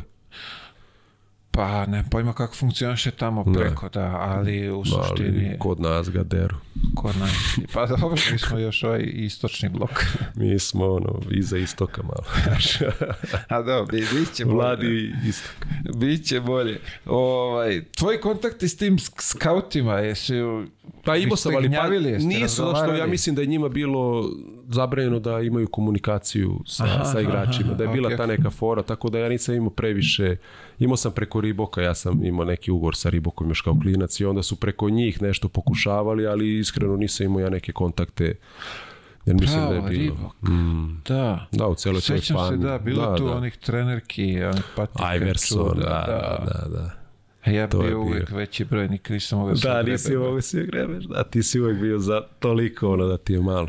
Da, to je bilo, mislim, ne mogu ka, a pazi, u tom, šta sam imao 16 godine, kao potpisujem ugovor sa Ribokom, predviđaju mi kao NBA. Zamisli u kojim sam ja tad bio, ono, iako sam iz normalne porodice, znaš, ono, nikad mi ništa nije falilo, sve je bilo super, znaš, ti odeš, ono, u, nebo. 16 godina, kao, ti kao neke ugovore, neke, znaš, Ti ozbiljne. Iverson. Otvarali smo radnju Iverson, ja i Stojaković. Na terazijama. Se jeva? Da, da, Iverson došao ono u papučama. Šta on zna da je došao. Bio red pevo. Kad je Ajsni- bilo to, Ajsni- bre? Bilo 2003. Jajsni grutim pevo, brate. Pre 20 godina, 19 godina. Wow. Ajde ste igrati. Ajsni grutim. Da, bre, Na pevali ispred, početku. mislim da je bad copy možda je bio ili samo, ne mogu seti, pevali su ispred uh, radnje, ono, Iverson dolazi, Stojaković tad, ono, bio u haju. Čekao je došao papuč. Papučama iz hotela, ono, obezbeđenje, ne potpisuje, on neće nikom potpiše, znaš, ono, ima bodyguarda nekog, ono, iz huda sliku s poveo. njim, znaš. Po, imam neke slike, ne znam. To Keva čuva sve, ona stvarno, ono. To, to ima fascikl A, tamo ima fascik, pa da. MVP, sve ove trofeje. MVP. Gde su ti te medalje sve, ta čudna priznanja? Jao, e, jedno vreme smo, kad smo bili u hangaru, kad smo držali ovu salu dole, ovaj, imali smo kancelariju gde smo pokačili sve medalje, Jaca i ja. I kad se desio onaj požar u sali, nadimilo se sve, tako da smo baš pre jedno mesec dana uzeli i skidali taj gar i sve, spašavali šta se može. Koliko ti sad, kako gledaš na to? Ti znači to nešto sve svi Medalje? Apsolutno ništa, brat. Apsolutno ništa. Čak imam, ne mogu da kažem žali, ali me opet dovelo do toga nečeg, ono, za šta ja osjećam da sam sada ispunjen. Tako da iz tog nekog aspekta, ali ovako, mislim, ne znači mi ništa. U tom momentu da, ali sada apsolutno ništa. E, gledaš kao sad- neko opterećenje, ali imaš nešto? Nema mi ništa? opterećenje, totalno kao neki prošli život gledam sve to, ono što se desilo, desilo se, ono cepaš dalje, znaš, ne mogu sad idem kao unazad. Ne, ne kapiram, nego ono kao, ej vidi, ono sad gledaš tamo neka trofej, nostalgija i to. trofej, št- šta je bilo, MVP, evropskog, da. i ono gledaš sad kao, jebote, bio sam ovo, a Ma jo, ne. ne, ono, mene taj ego moment. Mislim, ja nemam te, ovaj, da. nemam ni medalje, da. tako da nemam sa čim da šalim. Ne, pazi, nemam ni ja toliko medalje, ali kažem ti, nemaju neku, ne, neku težinu, najiskrenije. To negdje sam pročitao da onako može da opterećuje decu, ono što... Nisam znao za taj podatak, mene nije opteretilo. Znaš, ovo kao mali, pa Da, kao vidi da. ovo i u Da, fazonu e, e, posle nije je, da, uspeo, pa da, da, kao, da. znaš, neka vid razočarenje, Moguće, čega već pazi, može ko da... zna kakve ti traume sve preživiš, a da nisi ni svestan toga. Ko zna koliko smo mi trauma preživjeli da mi nismo svesni. Znaš, to je, ti si klinac, Pa vidi, znaš. ja sedeo kako nisam, ja Pa sam ja istraumiran. nisam ništa bolji, brate. Vidim, Kako sam ušao u profesionalne vode, osedeo sam. isto. Znaš, no dobro, ja kenjem, ja sam ušao s 14, pazi, s 14 godina u profesionalne vode. Znaš, ti kao kratko, 20 godina sam ja gulio lupam, ono, u profesionalnim vodama. Wow. Znaš, ono, nakupi se toga. Zamisli koliko je to treninga, koliko protraćenog vremena, znaš, ono, kao odeš, kao, ve, kao iznerviraš, pa sutradan, kao slobodan, ti odeš, kao šutiraš, ubacit ću hiljadu lopti, kao. Idi pročitaj neku knjigu, idi prošete u prirodu, znaš, ono, idi u park, ono. Jel vidi, ali... Ali ono, a koliko je, ono, barem u košarci, mi smo bili svedoci tog, svi su ono, telefon, Sony, znaš, Da, igrice, i- igrice, i, ono, i to je to, ono, trači. Ja sam pazi, jedno kad vreme ne guto dođeš- knjige kad sam bio u Sloveniji, pa su, ono, u Ljubljani putovanja baš dugačka, ono, Jadranska liga, nemaš ispod 10 sati. Ja sam jednu knjigu, do duše, ono, verovatno je smeće neko bilo, šta god mi je palo po ruku, ja sam samo pa, pa, pa, pa, čito, te godine sam pročito jedno 60-70 knjiga, bez preterivanja. I onda mi to, na primjer, bilo dovoljno, onda sam naravno, znaš, batalio jedno vreme. To Zasitiš. krenuli su drugi, pa ne zasiti, nego sam onda krenuo te glupe animacije, ono, malo sam i ja upao u tu Sony priču, kao igram, ono, mislim, dok ga nisam bacio, znaš, ono, skapiraš, brate, trošiš vreme, ono, nema nazad, znaš, samo napred. Da, da. I ti onda kad skapiraš koliko si ti vremena protraćio na neke stvari, a možda si mogo da uložiš to vreme u nešto bolje, u nešto korisnije. Znaš, nije isključeno da bi ti mogu uporedu, mislim, teško je da razviješ dve neke stvari, ali nije nemoguće, znaš, niko te ne savjetuje da to radiš. Znaš, ti kao, ma jebo to, daj, samo da si što basket, bolji, guraj, guraj. da, da, vi koliki si kao. Znaš, svako ko te zove, stigro basket negde, ono, nemoj mi više to pitanje, ono, znaš, i, I cela dan ta... Pa da, verovo ili ne, meni ne imponuje to kad me neko prepozna. Stvarno, najiskrenije ti kaže. Ono tamo, u tom kraju gde smo, grad blizu, kao za baksu svako je pratio jebenu zvezdu dok sam ja igrao. I sa ovom pra, ne znam ni kako me više prepozna i ono, i Koliko uvek okrenu, da. I onda krenu tu priču i onda se ja opet kreće taj rad u meni i onda, znaš, ono, baš mi neku nelagodu prouzrokuje u, u meni samom. Nešto ste... Ne osjećam se prijatno jer me neko, znaš, ono, glorifikuješ me na osnovu nekih banalnih stvari, brate. Možda sam govnar najveći na svetu. Ali dobro, ubacujem loptu. I tu se sve zaustavlja, znaš, ono, može ovaj bude ovakav i onakav, ali, brate, znaš, kad stane, ne drhti ruk. To, to. Ovako je, to ti onda priča, kakav igrač, dobar je, kakav je čak, u, O, bolji, bolji igrač, Boga, da, ali to je gola istina, znaš, mislim, surova istina, ali moja istina. Da. Iz tvog ugla. Iz mog ugla, iz moje perspektive. Perspektiva sam rekao jedno 200 puta, brate. Neka, vreme neka, intervjua. neka. Može obrazujemo neko, može neko nešto ukapira na vreme. Ovo Znaš, sve- mnogo su pričali o ovaj perspektiva i onda mi sad to ušlo u glavu, znaš, kao perspektiva, kao vidi ga što je elokventan. Ovo, reci mi bre čoveče, jesi ti išao tamo ovaj, po Amerikama na, na ove workoute? E, jesam, ali ja sam više išao po Amerikama na te operacije i ta sranja, znaš. Ja sam tamo operisao koleno. A tamo je ja to sam bilo? u DC-u, da, u Washingtonu sam Što operisao. si bio ubeđen da si ti na banjicu perisao? Ma jok, ne, ne, Stanojko me je samo ogledao. I onda smo skapirali, znaš, da, da ne, ne rade na dobar način i onda ja sam ti prvi u železniku koji je ono otišao bez nekog tog pompeznog obeštećenja, jer su, znaš da je bio ono zakon, to je pravilo da moraš potpišeš profesionalni ugovor sa matičnim klubom. Uh -huh. E, ja ga nisam potpisao jer sam prva generacija koja nije bila primorana da potpiše. Aha, I onda sam ja bukvalno u tom periodu, dok sam napunio 18 godina, gađali smo da ih napunimo u Americi, znaš. I ja sam otišao tamo, znaš, da ne davim tu priču, ono, opet se vraćamo na, operisu sam koleno i onda sam najviše imao iskustvo u Americi kroz te operacije, rehabilitacije. Išao sam na neke wo- workoute, do duše kasnije, dosta kasnije, 2012 tu je opet ono pokušavanje kao da se to Da nešto oživi, da. da. oni su teli da me vide, ono, to je prolazilo korektno, ali nikad nije prevagnulo sreća na tu stranu, znaš. Jer i tad sam bio još uvek u onako nekom tom gasu i glava, mislim da bi totalno otišlo u pogrešnom smeru. A, pazi ovde, Diki kad je bio, re, on, on reče, pošto je brdo tuh nek, nekih skauta dolazilo, mm. znaš, on je, Larry Bird je bio isto. Ma, Pa još do- bilo je se tu na- neki, ne mogu sad da se, da, sećam se. dolaze Ne znam na, po imence, ali se sećam, da. da. Mislim, ovaj nam je ostao upamćen, Zbog čak da. i sliku, ono, što smo se slikali zajedno. Ovaj, ali kaže da je, da je kroz razgovor sa tim ljudima ko, koji su dolazili na, na, na treninge, da, da su mu oni rekli da je čak i Chicago čistio neke tamo pikove, šta već, da bi, da bi tebe Pa da, mislim da je, draftovali. da, zašto je, čak mislim, mislim, mislim, mislim da su menjali uh, čak i da je tadašnji moj menadžer Bauman, David Bauman, da je on nešto pisao ono njima neko pismo da, da me oni prihvate i sa jedva napunjenih 18. Nemam pojma, nešto su oni to muljali da bi im omogućili da izađem na draft. Međutim, ja sam ono, paf, sjebo koleno. Ti si nešto... Ako Ja sam dva, tri meseca pred taj famozni draft 2005. A ti si već podneo zahtev pre povrede, ali tako? Da, da, da, da, da. 2005 i onda su ga oni povukli kao, mislim da su imali čak, mislim sreća, imali su ponudu tipa da budem 20. pik. Povređen. Povređen? povređen. Jebaš? Da, da, i oni kao ne, ne, idemo sledeće godine, vamo tamo. Sreća. Povređen, su ti Povređen, nudili da, da, da o, te draftuju. tipa oko 20. pika, da. Koja je ekipa? Slagaću da li je bio Phoenix Suns i nešto tako. Maj. Da, da, da. I oni su Jebote. rekao, ne, ne, idemo sledeće godine. Razumeš, veća provizija, brate.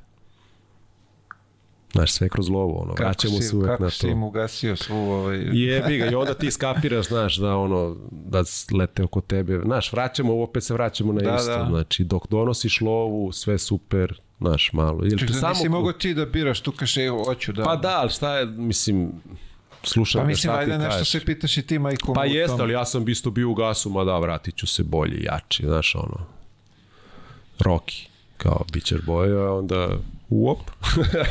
Onda je bilo kroki. Mislim, opet je bilo da ovo opet ode u staciju, pa opet isti pro. Mislim, ono, iznova, iznova, kao da je bilo to nešto što mi nije dozvoljavalo, što sam prezahvalan, naš, ali iz ove perspektive. ali stvarno mislim da je uvek falila ta neka mala, nešto je falilo.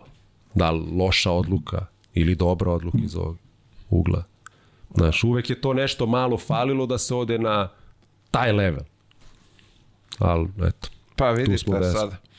Ovaj, povreda i to sve. Sećam mislim, se, ja to, sećam a. i dan danas imam sliku u glavi ka, kako se to sve Ma, bre, to je bio, to je bio, izdešavalo. evo ja znam tačno, to je bio tipa 13. sekund, ono, protiv Bosne. ja mislim da je čak i, i manje. 12. 13. sekund, ja sam utrčao na backdoor, neko mi je dodao dole loptu, ja krenu zakucam i onaj taj bio onaj Amer u Bosni, onaj Fen, centar, baš se Fen prezivao. Zar nije bio onaj debeli, Ne, ne. onaj bucko? N- Ne, on je bio, ali ne, ali ovaj me, Fen je me malo samo dotako sleđe. Međutim, i meni je tad, verovatno sam bio i pretreniran i sve, razumeš, ono. I samo je otišla noga. Nego je problem bio što oni meni nisu diagnostikovali odmah tu povredu, razumeš? Oni su mene držali u toj nekoj longeti što nisu smeli da rade. Ja sam mesec i nešto dana nosio tu longetu. Čekaj, rađe magnetna tad. Jeste rađena magnetna, ali oni kao da su da prikriju tu povredu. Nemam pojma šta je tu bilo. I ja sam gulio kući godin, mesi po dana. Dok, dok mi svi nisu rekli, alo bre, šta radi. Ja sam otišao u Ameriku, otišao posle toga, ono, tu negde oko 18. rođendana za Ameriku. U fazonu našli su tamo nekog najboljeg doktora, on je u Washington Wizardsima bio To neki si našao mator. preko agenta. To mi je agent našao, da. Jer su tad mislili da će dalje moći lovu da izvuku od mene. Uvalio sam im kosko. ovaj, I oni su našli to nekog doktora tamo koji će mene da pregleda i on sam ja otišao s burazerom, sa Nešom tamo, jer smo mislili kao, a vratit ću ja 7 dana, on će reći to je to. On kad je video čovjek, brate, nogu prvo kad je video, on se kao šta su ti ovo radili, ovo za zatvor. Na meni je atrofirala noga 13 cm. Kaže, mora hitna operacija. A ja sam bio u fazonu, on će kaže, a, vraćaš se nazad, sve je okej, jer mi ovi nisu rekli nikako kibre prednju kršte, ništa nije spominjano, razumeš da je toliko zajebano. No, ja sam mislio to neko iščaše nešto, kao, bit će to okej. I on meni kao, paf, operaciju. Kakav bre, ti siguran? Kao, ne, ne, ovo hitno mora se operiše, ali sad kao ne možeš operacija, nego moraš rehabilitaciju za operaciju. Da pripremiš nogu. Ja sam tamo gulio tri meseca da malo samo jačam nogu da bi mogao da idem pod nož. Pa sam onda otišao pod nož, to smo kao odradio mi tu operaciju. To sve je bilo dobro, ja sam stvarno se vratio, ono, mislim, ta longeta je mene u stvari usporila godinu i nešto dana. Jer sam ja izgubio... Mesec i po dana bez... Mesec i po dana bez iče, ono, sedeo kući s longetom, ono, maltene. Onom čizmu koje može, i on sam ja to skidao na svoju ruku, znaš, kao nešto savio kolen, međutim noga je otišla u aut. I onda sam uspeo nekog se vrati, mislim da je bila pauza godinu i po dana sve ukupno, onda sam otišao u zvezdu, znaš, priču repstacija, tamo malo mi napukne mišić, oni kao nije ništa, upala mišić, kako upala pukovi mišić, jer magnet pokazao, parcijalna ruptura. I ništa, ja tu gulio malo, ono, otišli na evropsku. Ja sam teo da odem pre evropsku, ne znam da li ti znaš priču. Ne, evo sad slušam Ja sam, i razmišljam. Da, e, ja sam u stvari osetio bol u mišiću na toj nozi. I ja rekao, ono, baš me, kao da me neko proba da, mislim da pred odlazak, gde smo išli u, u Tursku na turnir neki. Da, to je bila poslednja provera, mislim. Da, da. I mene ono boli, brate, tad bio doktor koji je bio, neću nikog ovde, rekao sam, neću imenujem nikog, ono, znaju se ko su. Ovaj, kao, ma ne bre, to ti upale mišić. Ja rekao, bre, kako upala mišića mesec i po dana gulim ovde ko bolesni, razumeš, kakav bre upala mi, boli me noga, ono na, kao ne, ne, ne, zna. Ja rekao, hoću kad se vratim iz Turske, odradim ultrazvuk. I mi odemo u Dragiše Mišović, ono, parcijalna ruptura, ne znam, centimetar i po sa ne znam koliko. I ja rekao, okej, okay. Popričao smo, rekao, moko, mislim da bi bilo dobro da, znaš, da ne ide. Ne, ne, ti mi treba, bla, bla, bla, e, oni mi tu nešto rokali, obezbolili. Završi se Evropsko, kako se završilo. Ja, ono, pripreme sa zvezdom trebaju da krenu, ja na pripreme, ono, iskulirao malo par dana kao odmorio od repstacije. Paf, koleno ovoliko, brate. Ja rekao, šta je ovo sad? Koleno što si operisao? Da, da, na toj istoj nozi, tu gde mi je mišić u stvari. I tad je bio Bata Zimonjić u, u Zvezdi, on mi je stvarno oko povrede ono, i vraćanja pomogao ono, na, na baš high levelu. Ovaj, I on kao izmerimo mi obi mišića, mi izmerimo nešto 4-5 cm mi se smanjuje obi. Znači, meni je sve vreme, u stvari, mišić nije preuzimao opterećenje, nego sve išlo na koleno, brate. I mi tu, a šta da radimo? Hrskavica se oštetila na tom istom kolenu. I mi kao mozgamo što treba krene sezona, ono, u zvezdi, znaš, ono, frka, šta raditi, kao... I ovi kao, ajde kod tog Amera u, u DC. I ja opet odem kod njega na čišćenje, to je bio možda zima te 2007. I on kao, kao nije puno oštećen, i on tu obrije, znaš kako to ono, atroskopski obriju, I ništa, ja tu ono krenem rehabilitaciju, međutim meni otok nije hteo da spadne, znaš. Umeđu vremenu ono Zvezda naravno nije prestala da plaća sve nas ono u tom momentu, ja izađem iz ugovora. Da skratim priču, krenem tu s nekim drugim, čak sam iz Panatinikosom nešto bio na pripremama, kao tu me ono, davali mi lažnu nadu, znaš, ono, popunjavao im broj u stvari. 13 igrač falio im za pripreme jer su svi negde bili. I ja ono, steznik, ono, ovi doktori, ma ti to stavi steznik, znaš, šta imaš tu, operiso si koleno kao otok, kao to je normalno, imaćeš ceo život otok, znaš. Bukvalno tim rečima, i ono, steznik, brate, gulim, ono, ne mogu stavim koleno do kraja. I to ono malo, znaš, stagnira mi otok, ne povezuje, ne smanjuje, ali neće da ode. I mi šta, vamo tamo i mislim da je došao Kari Pešić u Zvezu tad. I on kao, je, Aleksandru, kao, tebe vrati, aj da vidimo šta je s tebi, koji on me pošalje, pošto ovaj Amer, kao da ne bi se cimo za Ameriku, on ima nekog doktora, a čak i ovaj Amer pre, preporuči istog tog što je Pešić rekao, što je njima prijatelj u Berlinu. U Nemačku. U Nemačku. I odem tamo i on kao proveri ono stabilnost kolena, sve super, izvuče otok, mislim da je okej, okay, kao javljamo. I on za dve nedelje zove, kaže stafilokoka ti ušlo u koleno. ja rekao, kakav bre sad stafilokoka, ono, treba stoti put da se vraćam, ono, iz, i ne znam kako sam skupio ono, onu stvar i opet iz nula. Bukvalno re, rekao da sam igraš mesec dana, dva, capnuli bi nogu. Majke. Majke. I ja, cepaj od stezni, kao gura i miška. I stafilokoka mi ušla verovatno tokom operacije u Americi.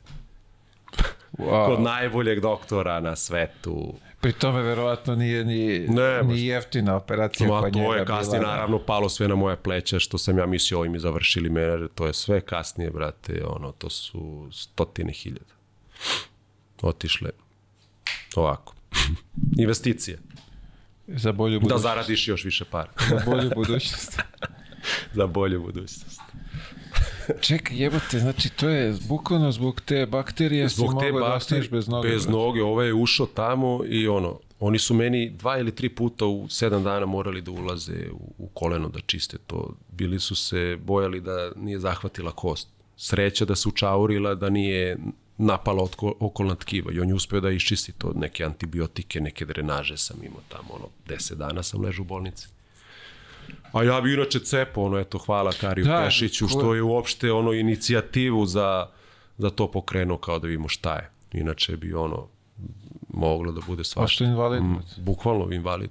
Ali dobro, tako ti tre, tretiraju, ono, doće neko drugi, mislim. Da, da, ima sledeći. Tako, sa, da. bit će ono, tužna vez, dan, dva i to je to. Ti u kolica, ovi kao dolazi novi Mile, novi Ovi na pripremu. A ti, brate, ono, jebi ga. Tako te tretiraju, to je surova realnost plaćaju te da bi te tako tretirali. Imaju pravo da te tako tretiraju jer te toliko plaćaju.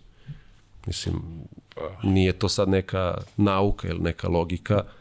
Prosto je, mislim, ti vidiš da niko sportista ne pokazuju svoje mišljenje toliko u javnosti, vezano za bilo šta. Razumeš, da ti ne Da bi ne sada, pa da, da ti ne bi sada izađemo iz, iz ka- kalupa. iz kalupa, Da da, ti ne bi sada, nekog. da, da ne bi povredio ili da neko ne bi tebe sada krenuo da kao šta ti tu, ti brate dobiješ pare i ćuti tu ono, usaju svoje kljuse. Pa, pazi, evo te sad, vidiš, pri, koliko smo puta se mi sreli i, i prolazili negdje, sretali se i Da. po terapijama, pizdarijama pripremaju sad za, za, za tu bakteriju. Nisi znao? Stvarno? Da, da, to sam i to je... Znam da si imao nekih intervencija, nešto. Ne, ja ne, sam to mislio je da nije bila dobro uređena operacija, ne, pa ne, je... ne, pa u suštini da, čišćenje hrskavice te, mislim, verovatno se to desilo, jer smo mi to tek saznali osam, mes, ja sam osam meseci, devet cepo s bakterijom, brate, ono, sve u pet. Sve ra- Maj, Jo, a što je najgore, ja sam išao ovde kod 10 doktora. Neću ni njih da imenujem. Ma, to je, a, to je, a, ništa to, znaš, kao peri se o koleno, kao, pa šta hoćeš da nemaš oto, kao, kao stavi steznik, cepaj, ono. Možeš ti to. Moba, šta, kao, šta tu Kenja, na, ono, ja, okay, Pojačaj prag znaš, bola. Da, bukvalno, Bukvalno, tako, naš pa i na sam, naš, naš ono kad dođe doktor. Ajde, ajde, mali, možeš ti Da, to. ono nema. dođe trener, kao treba mi za utakmicu, on dođe kao aj blokada, presećam se mi klinci bre, ono blokade dobiješ kao finale evropskog uh, finale Srbije ono u 16 ti kao dobiješ blokadu da pobediš utakmicu. Alo bre, i tog doktora i tog trenera ono znaš da ih naučiš malo u šumi nekim stvarima, mislim to su znaš, opasne stvari da se zajeba. Ali oni te tako tretiraju od malena, nije to sad kao ti si profesionalno, nego od malena te tako tretiraju, kao potrošnu robu. I sad zavisi kako ti se za, zacepi. Wow. Da, zajebano, mislim, i sam znaš koliko Čekaj te... sad, tvoj taj psihološki moment u U, to je bila bor. Mislim, stvarno tu, tu, tu se izražava karakter, ono, volja da, da, da prebrodiš sve. Mislim, realno, posle drugog sranja bi ono digo ruke, ali ne, ja sam ono, teo pokažem, mogu se vratiti. Znaš, ta neka, u stvari to je inat više neki, ono, znaš, kad te neko Da, otpiše i ti da, kao da, šta da. ja ću sad tebi pokažem. Opet je taj, imao sam izdržen ego moment, očigledno čim sam ja mogu da, da iznesem sve to, znaš, i da pređem preko svih tih projekcija koje sam imao, ono da nastavim da igram u tom nekom levelu koji je opet korektan, znaš, neko bi ono kao, brate, bio sam baš ono u, u bubnju do, do, do Majko jebi, mila. da, baš je za, zamisli sad ono, imaš te projekcije, pa ti se To desi je, to, Ko je tvoja osam, 19. moja godina? prva operacija, nepunih 18 sam 18 se prva, povredio. da, da, ali čišćenje na 19. Čišćenje je uh, 2007. 20. godina. 20. Da. I on, ne, ne, ne, hrskavica 20. Bakterije 21. 2008. sam ja bakteriju. Znači ja sam kraj 2007. posle reprezentacije hrskavicu u Americi, onda sam peglo, peglo, peglo skoro do kraja leta i otišao sam tako nešto, septembar, oktobar u, u Berlin. Da, i od tada nisam ti- imao problema. Ti sa 20 godina Sam preživeo ono... postaješ faktički Poli- invalid. invalid sa 20 godina. I košar- pazi, da se, ja nisam vratio, da invalid. se ja nisam vratio kroz to i da sam uzao tu neku lovu koju sam, ono, mislim, ni nebitno koga boli đoka. Ovaj, ono, ti bi samo sa strane, kao aj ti sa tamo, ja sam kao 2.10, ne znam ništa, znaš, ja, šta bi radio ono, moleraj, brate. Znaš, Da, ne treba ti merdavine. bre. Bukvalno, da. ne znaš, i samo te ono, paf, kao jebi ga. Izvini, kao, takva, takve karte si izvukao, Da, da, da. jebi ga. Loša podela. Znaš, ali to da li je neko doneo lošu odluku, da li nije, znaš, svi se peru. To mi je bilo ti to, to najapsurdnije, ti je, znaš, da. to bi mi uvek bilo naj, ono, jadno, znaš, ono, nije moje, nije moje, o, ja sam kriv, ja sam sam sebe operisao i sve sam to, znaš, ono, Vidi, loše neće ti odradio. tu niko na, na takve Pa ovaj, neće, preuzeti pa, odgovornost. Znam. Neće, Tako svi peru, da bude, uvek je da. tako i svi peru ljagu, nisam ja kriv, on je kriv, znaš, nije do mene. Zato nam je društvo, to ne samo sport, sve je otišlo u onu stvar. Jer niko neće da stane, znaš, niko ne radi u svojoj struci, niko, znaš, svi su, svi su sve, Svi su majstori za, za sebe. za sve. Wow. Mm. Kako? Pazi, brate, 20, 21, ti si... 21. ja kolica i pitanje, o, mislim da su mi posle toga, ja, mo, nismo sigurni da će peglaš basket, brate. Znaš, ono, bukvalno je dotle bilo ono, znaš, To je Vidjet ćemo. jedini iskreni odgovor koji si dobio u tom momentu. Bukvalno, znaš, ono, ne znam, kao, ovo je jedan kućni prijatelj, doktor, ono, isto, svi ga znaju. Moj Kevi, re- posle, posle prve ove povrede, nisam se ni ope... A šta, ne, operi su salari, imao tu otok, baš oko te bakterije. A šta bre, neki igraš 2, 3, 4 godine, to je to. Keva, ono, plače, ono, kuk, znaš, kao, a, šta je, Znaš, prate ono operiš ono babe da on to gleda, a šta još dve, tri, Šta nek još uzme još dve, tri godine lovu, dje, i puno moji se frapirali, razumeš, znaš, ne moš tako jebote da da otpišeš ono junak. Ovo je e, zbog toga sam, znaš, ono, to mi je bio. Ovako talentovan. Da, momka. da, da. Prospekta. Prospekta, amer- američkog. Perspektivnog To je to. prospekta. Top 5, šta su Ma, već te predviđali. godine sam kao trebao prvi pik da budem. Te Prvi. 2005. da. Ko je tad biran? Sveći. Andrew Bogut. Još sam blejao sa njim tamo u Americi, on je bio, da, da, da. On, Drago Pašalić, isto bio sa mnom proveo taj neki period. Sećaš, Drago? Kako ne sjećam? Moj, Da, da. E, on je tvoja generacija. Da. Suigrač. Igrao si njim, de? U Bilbao. Mike, da. E, sa njim sam bio, ono, proveo dobar pe. On se spremao, on je išao po tim workoutima, ja sam se spremao za operaciju. Zavis taj ono absurd kao njih dvoje, ja kao treba bude prvi pio, ovaj dolazi tu je Andrew Bogut, ono ne zna, ono, ne zna li gde živi, ono, pao s neba. I ja kao tu, on, oni kao idu na draft, a ja kao došao da se operišem, kao, ono. Znaš, treba, znaš, kao klinac izgurati sve to. Sigurno je ostavilo neke traume da ja Kako ne da ne znam. znaš, ono, Ti kad znaš da je to... Na jaci, da. A da ne zna. Šalim se, ali stvarno, Ali znaš, to ne, su ozbiljni, pogledaj, da, pogledaj to su sad. jebote, znaš. Ti, si, ti, ti sediš s tim čovekom, brate, družiš se s njim. Znači, On ide na trening za on dra, ide, da, on biran je za prvog pika, Pika. a to su tebi predviđali. a ja idem A ti ideš na druga operaciju soba, pod nož, da, da, pod nož. I to sam se tri meseca tamo, ono, idem svako Spremao za jutro, operaciju. spremao za operaciju. Ono, Ma. guliš, ideš fizioterapeut, ne možeš saviš kost. Znaš kad ti ostane od kvadricepsa kost.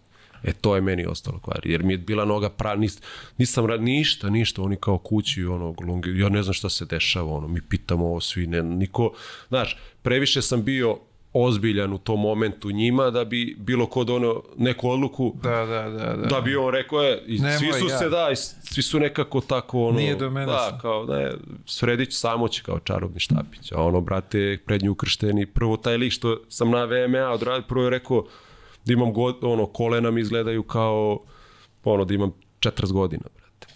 Znaš koliko, zamislite je napor, ono, sjećam se još su nas tovarili tamo tegovima, druže, ono, uf.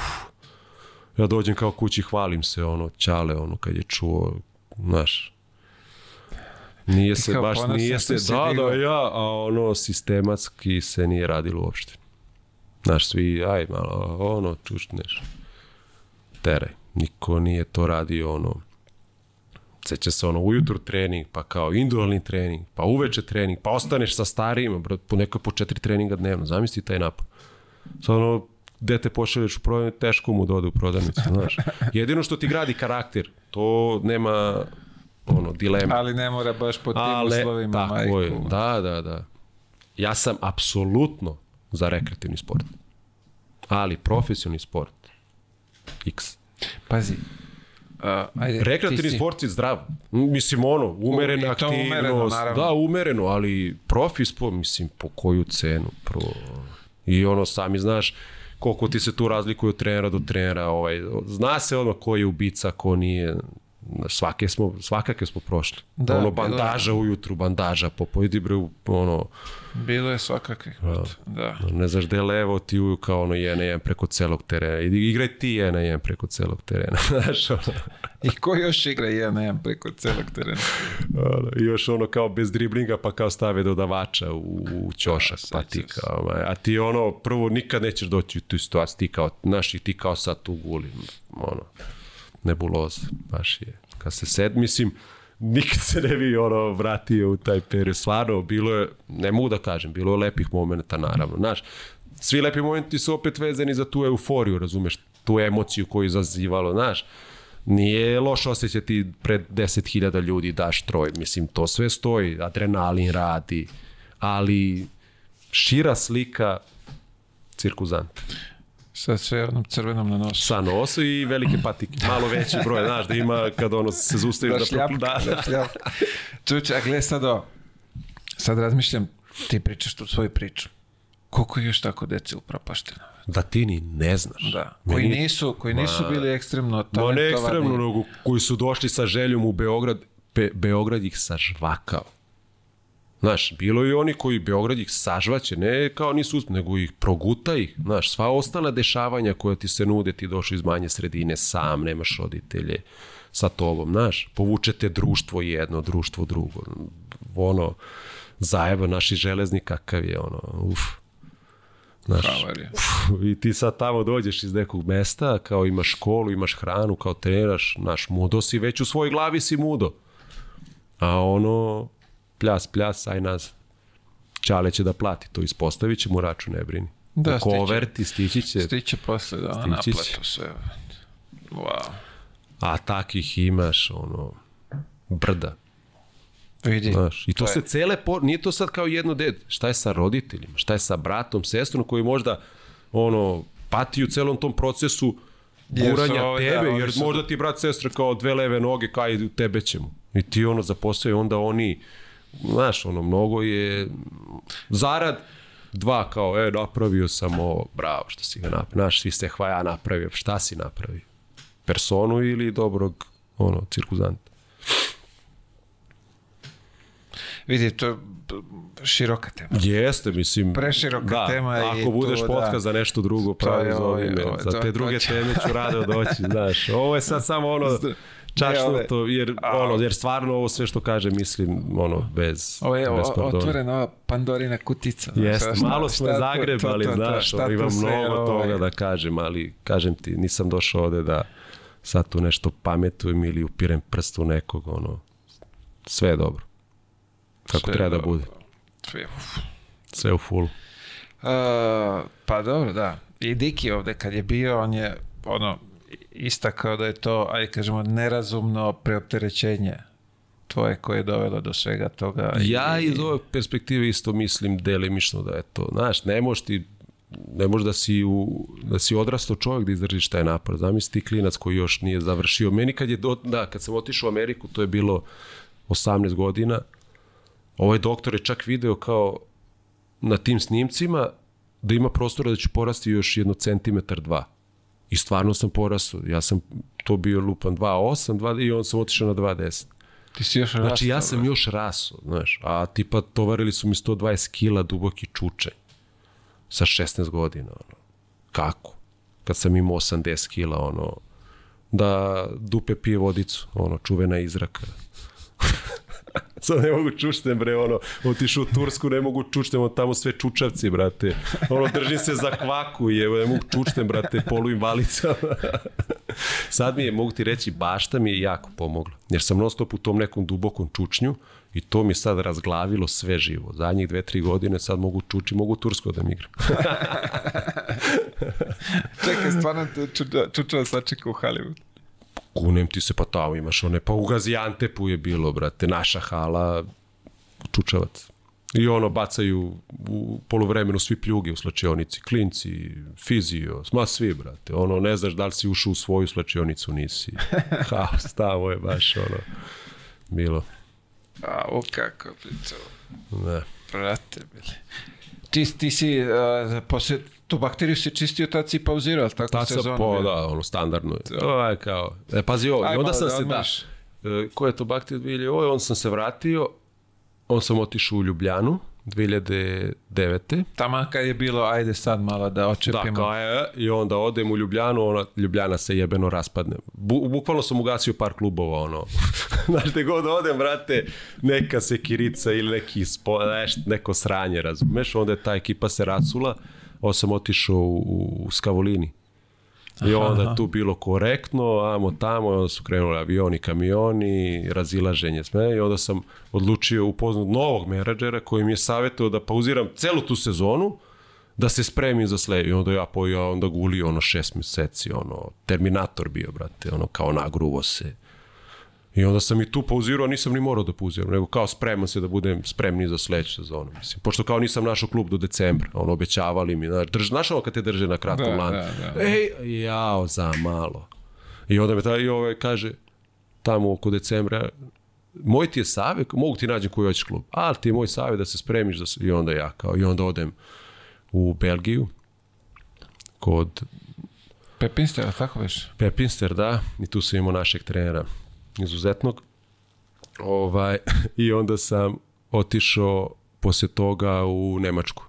Oldenburg, tamo Tu sam si se zakačio. zadržao, koliko ti Tu sam tri, godine, tri tako? godine bio, onda sam posle toga otišao kratko u Gaziantep, polusezonu i po, polusezonu se vratio kod istog trenera, ali on bio u Bremerhafenu u Nemačkoj.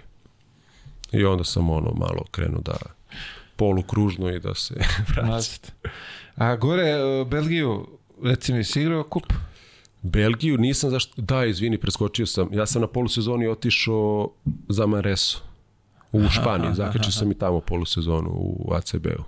Tamo mi bilo strava. Tamo mi, tamo mi mogu ka, ono, najbolji deo. Tamo svih sam, tamo sam, da kažem, jedinu uživo tih nekih par meseci što sam igrao. Koji je, koji je razlog bio? Pa ne znam, mislim da je splet svih okolnosti. Trener bio gotiva, španac. Mislim da je on sad nešto repstaciju vodi. Onaj, kako se zove? Hu, haum, Žaum, Haum, jebem li ga, sad sam više i zaboravio, ne znam ni trener kako mi se zove. Toliko sam se odjavio. Znaš, baš je bila laganica, nije cepo na treninzima, sat vremena, ono, tu Barcelona, znaš, baš je sve bilo kako treba, nikakav pritisak, tu sam, ono, tih par meseci sve ovo ostalo bilo mučenje. Baš. I Belgija? Ma Belgija je bilo najveće mučenje, ono, wow, tamo mi je bio pakao. Još sam tamo kao otišao samo kao, znaš, ono, nabi statistiku i bio sam, ono, ne znam, prvi, drugi strelac sa ovim Ložeskim, koji bio, i bio i Ryan Thompson. I onda smo se tu kao nešto, ja kao pravi statistiku da zapalim i oni kao mesec dana da sad, i ja ono prvi strelac, prvi, rekao aj vadi mi bro odavde, ne mogu više od Lepiću. Evo sad, a. i ja uzmem kartu za Beograd i samo odem, rekao, ne vraćam se nazad.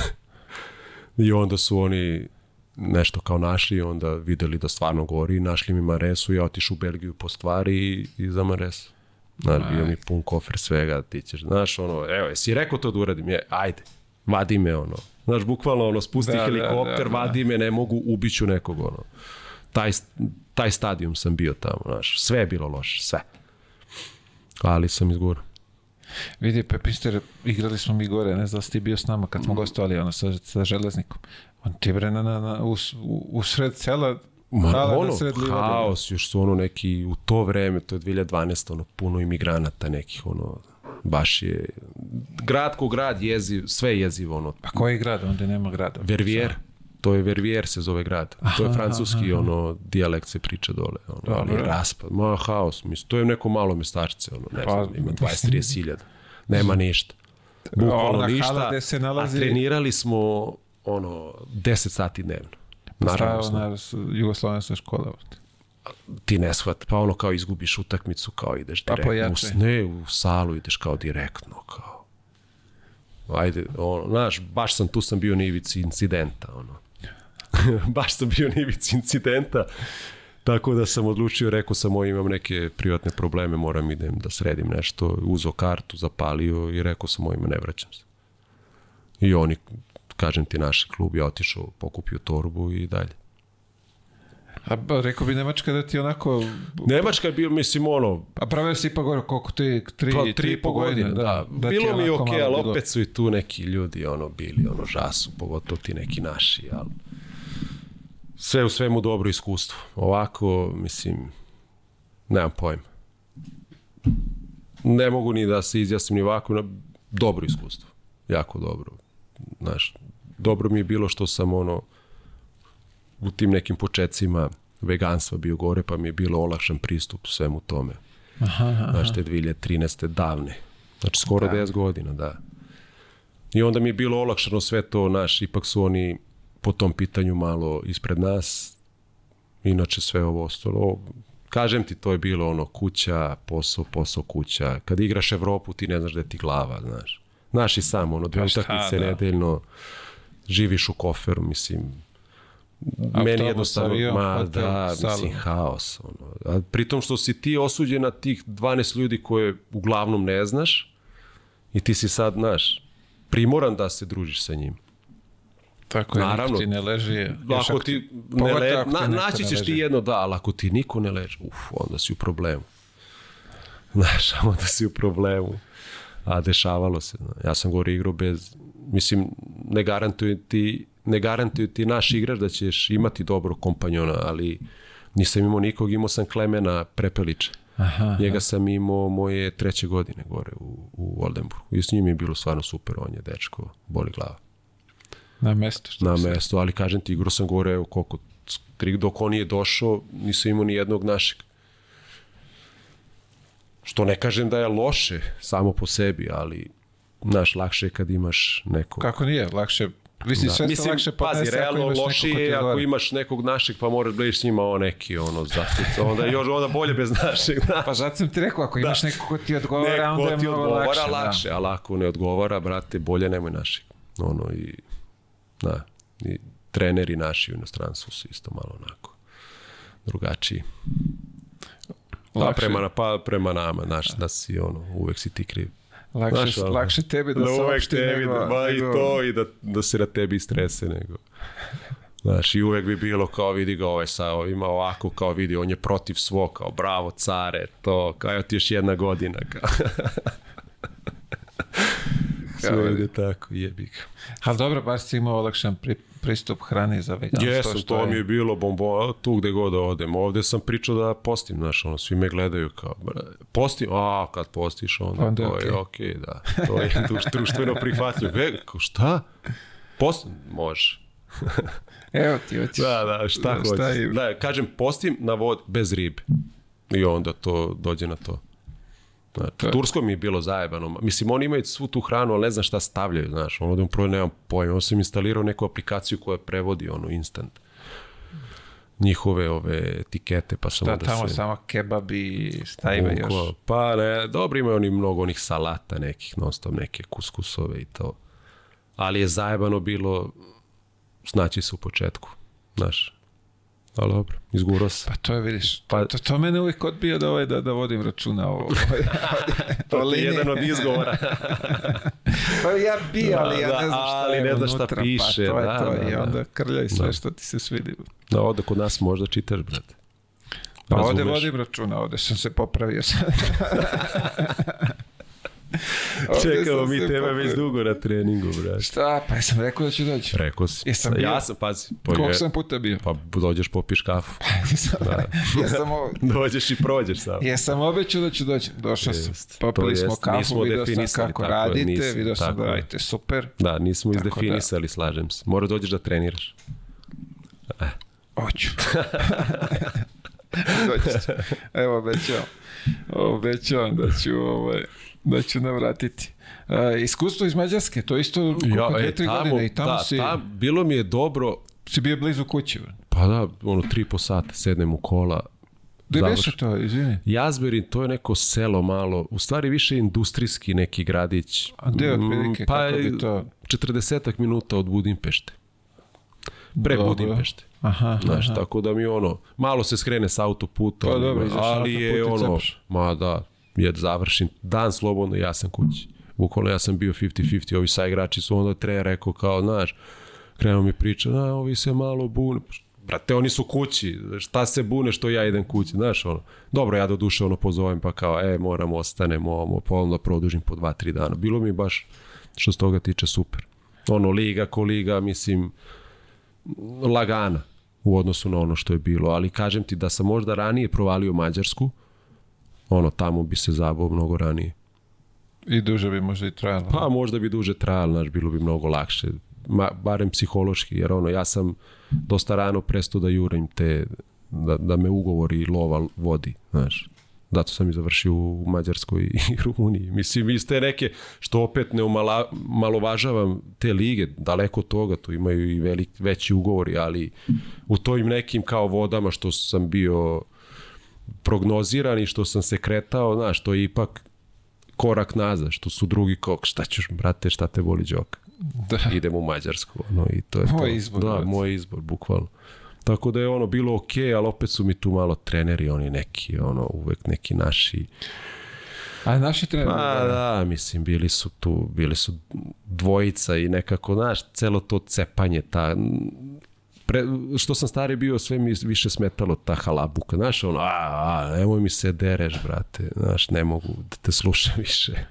Znaš, i to, to, to naređivanje mene u stvari sve više i više, ono kao, znaš, kao, idi stavi blog, šta i ti stavi blog, znaš, ono, i ti uradi to, šta mi kenjaš više, ono, znaš, i taj moment mi baš, ono, teško pada to naređivanje neko, uvek stavljanje, znaš ono kako treneri nekako uvek sebe stavi iznad igrača kao on je autoritet. Da, da.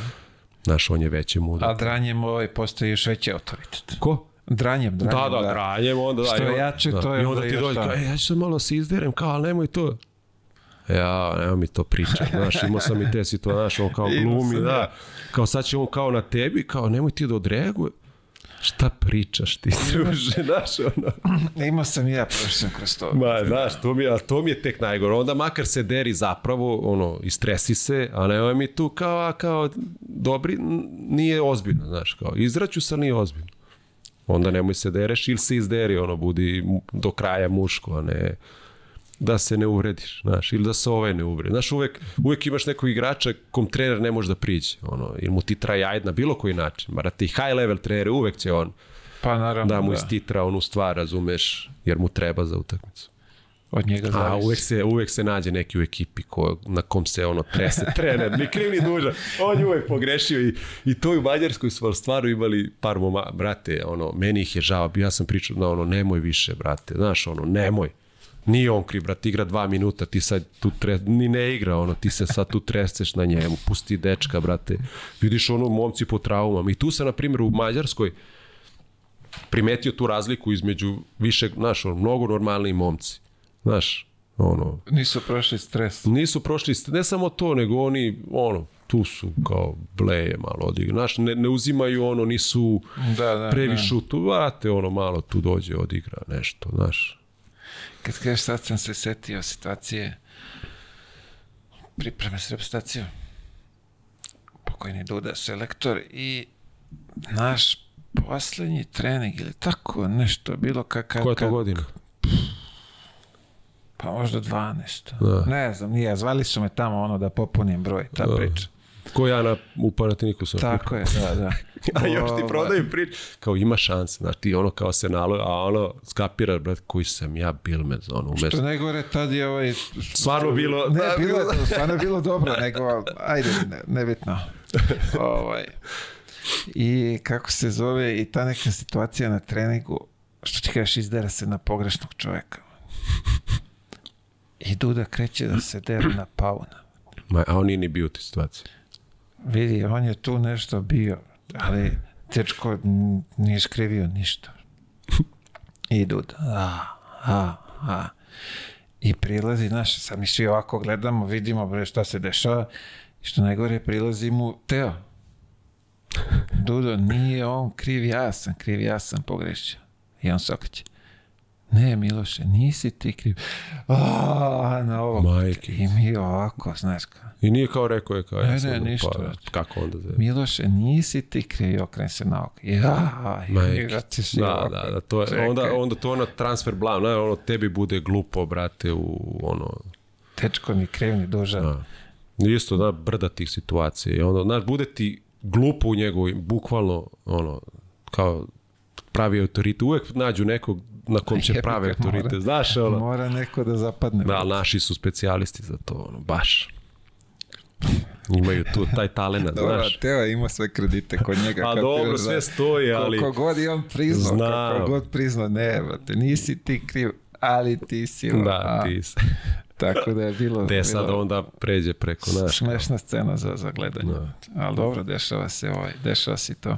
A, reci mi, sad ta Mađarska je poslednja destinacija, ali tako? Jeste, dve godine sam vezao tamo, krenula korona i ono, tu sam Jel bi završio ovaj karijeru da nije bilo korone ili bi mm, cepao još? Pazi, ono, nisam 100% siguran, možda bi eto tu opet nešto ako bi možda još bliže, ono, Segedin bi bio idealan. Da, da, da.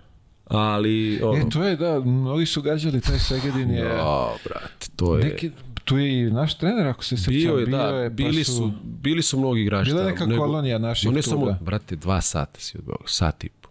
Ti, za, ti možeš živiš u Beogradu da igraš u Segedi. Ono, bukvalno.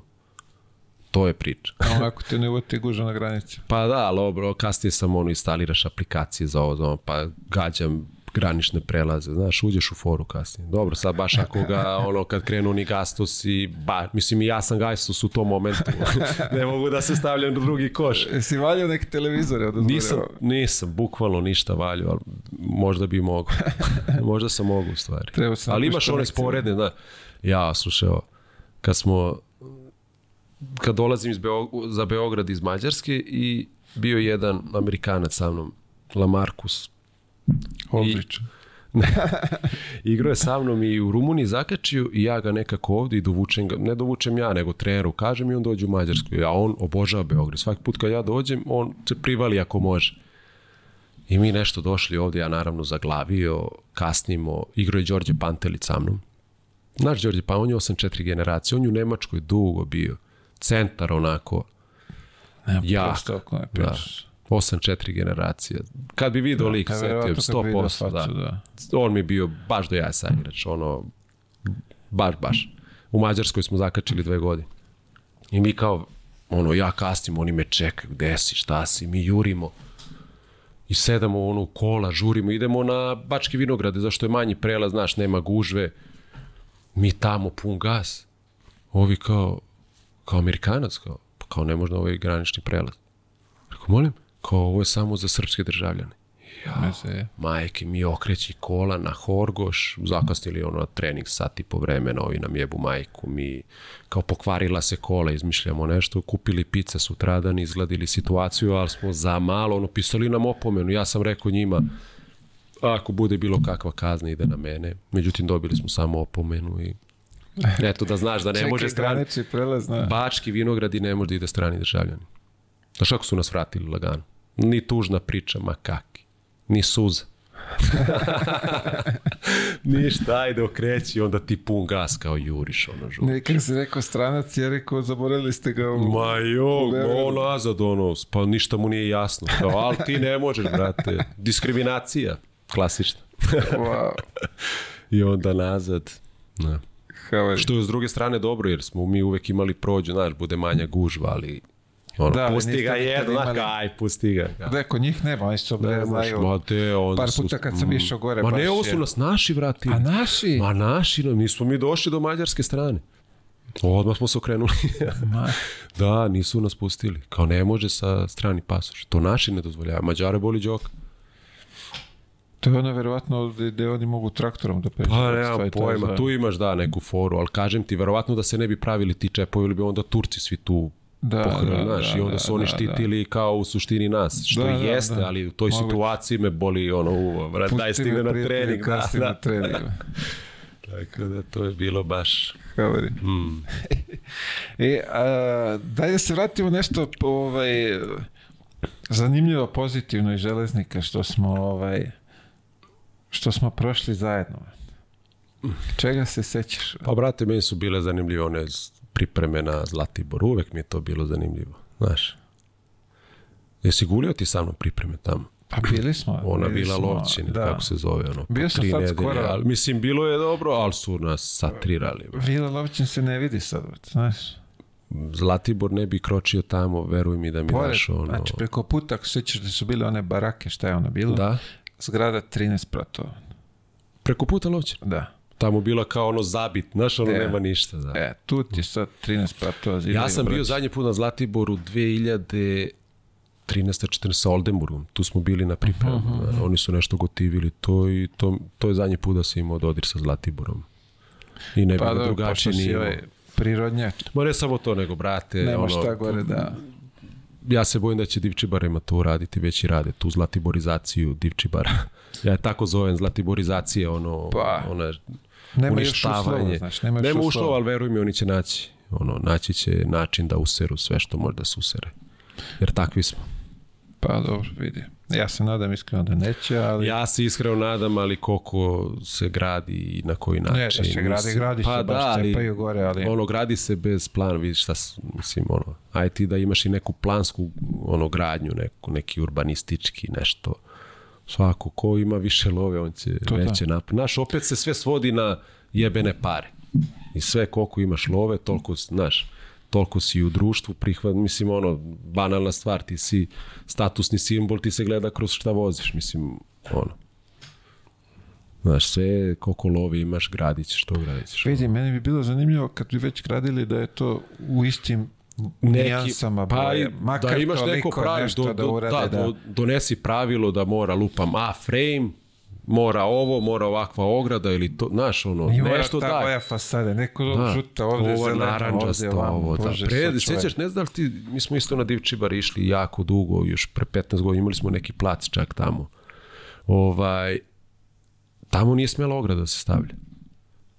Samo si mogao prirodno, ono, tipa tu je živa Mislim da nema ni sad. Ni sad. Da. Onda- Bar te kuće. Koliko, Ali sme, sam- ali sme druga kuća u dvorištu. Ti se Da, ali sazi- ovaj sad zide osam spratova pored, tako Znaš, da... ono evo. beogradsko naselje tamo što je bilo, bre. Znaš kako ono bilo super. Ono je sada ovako. Znaš, Kažem ti, zida se, ne, ne može to... Ovaj. da. Mora Mislim, da nije se- problem da se zida, ali taj, znaš, ono, uredi to zide, znaš, što si ti rekao, daj neki plan, daj nešto, znaš, ne mora da sve što veće, što Znaš, megalom, nek, Samo nema da ja problem, nek, nek se napravi hiljadu gore kući, ali nek to bude, znaš, ono, lepo, da nisu jedni drugim na glav, znaš, reši vodu, reši ovo, reši. Sistematski rešava problem, ne gradiš pa kasnije rešavaš. Kasnije, čao. Vidi, sad je moment da mogu da završe sve, pa onda zidaj pa ćemo rešavati pa, poslije da šta. da, pretpostavljam, mislim, Tako da, ali dobro, šta da radimo. Uh, kup u vršcu, to smo zajedno u, osvojili. to smo osvojili, da, to je To bilo je. dobro, da, to je baš, tu, tu je, sećam se, ma, majstor, ono, Ima je zapaženo. da, da, da, tu, da, to je bilo, mislim, Mića Majstorović. Da, železnik je uvek imao, brate, jaku ekipu, to je, to je nesporno. Znaš, i uvek smo nekako bili podcenjeni, znaš, ovi železnika, ovi seljaci, ali ja mislim da je to ono uvek Pa dodavalo. ja mislim da je i sad. Da je i sad ista situacija. Dobro, i sad fuzionisali, ja to ne mogu da gledam istim Pa ne, očima, imaš meni je ovamo to- železnik i Pa dalje, znam, oni ali meni to sad to, isto da. sranje, kakav bre železnik, kakav, znaš, ono, zvezda želez, šta, se dešava? Znaš, Ali ono, bili smo, fuzije. mogli smo da... Ovaj, Tamo je, mi smo uzeli taj kup. pa uzeli smo, da, uzeli smo, ovaj, ali Pa ja, sam ti, pa ja sam se posle kupa povredio odmah. A, ovo je finale bilo, ako sam dobro vidio, Februar, ja sam- 19. E, februar. a ja sam se tipa 25. 6. februar povredio. Zajebaš, znači Da, sledeće kolo. nedelj, sledeće nedelje, nedelju dana posle toga. Da, da. Sećam zašto ste vi, jeste vi uzeli Jadransku te godine? Ne, sledeće. Sledeće, e, Da. da.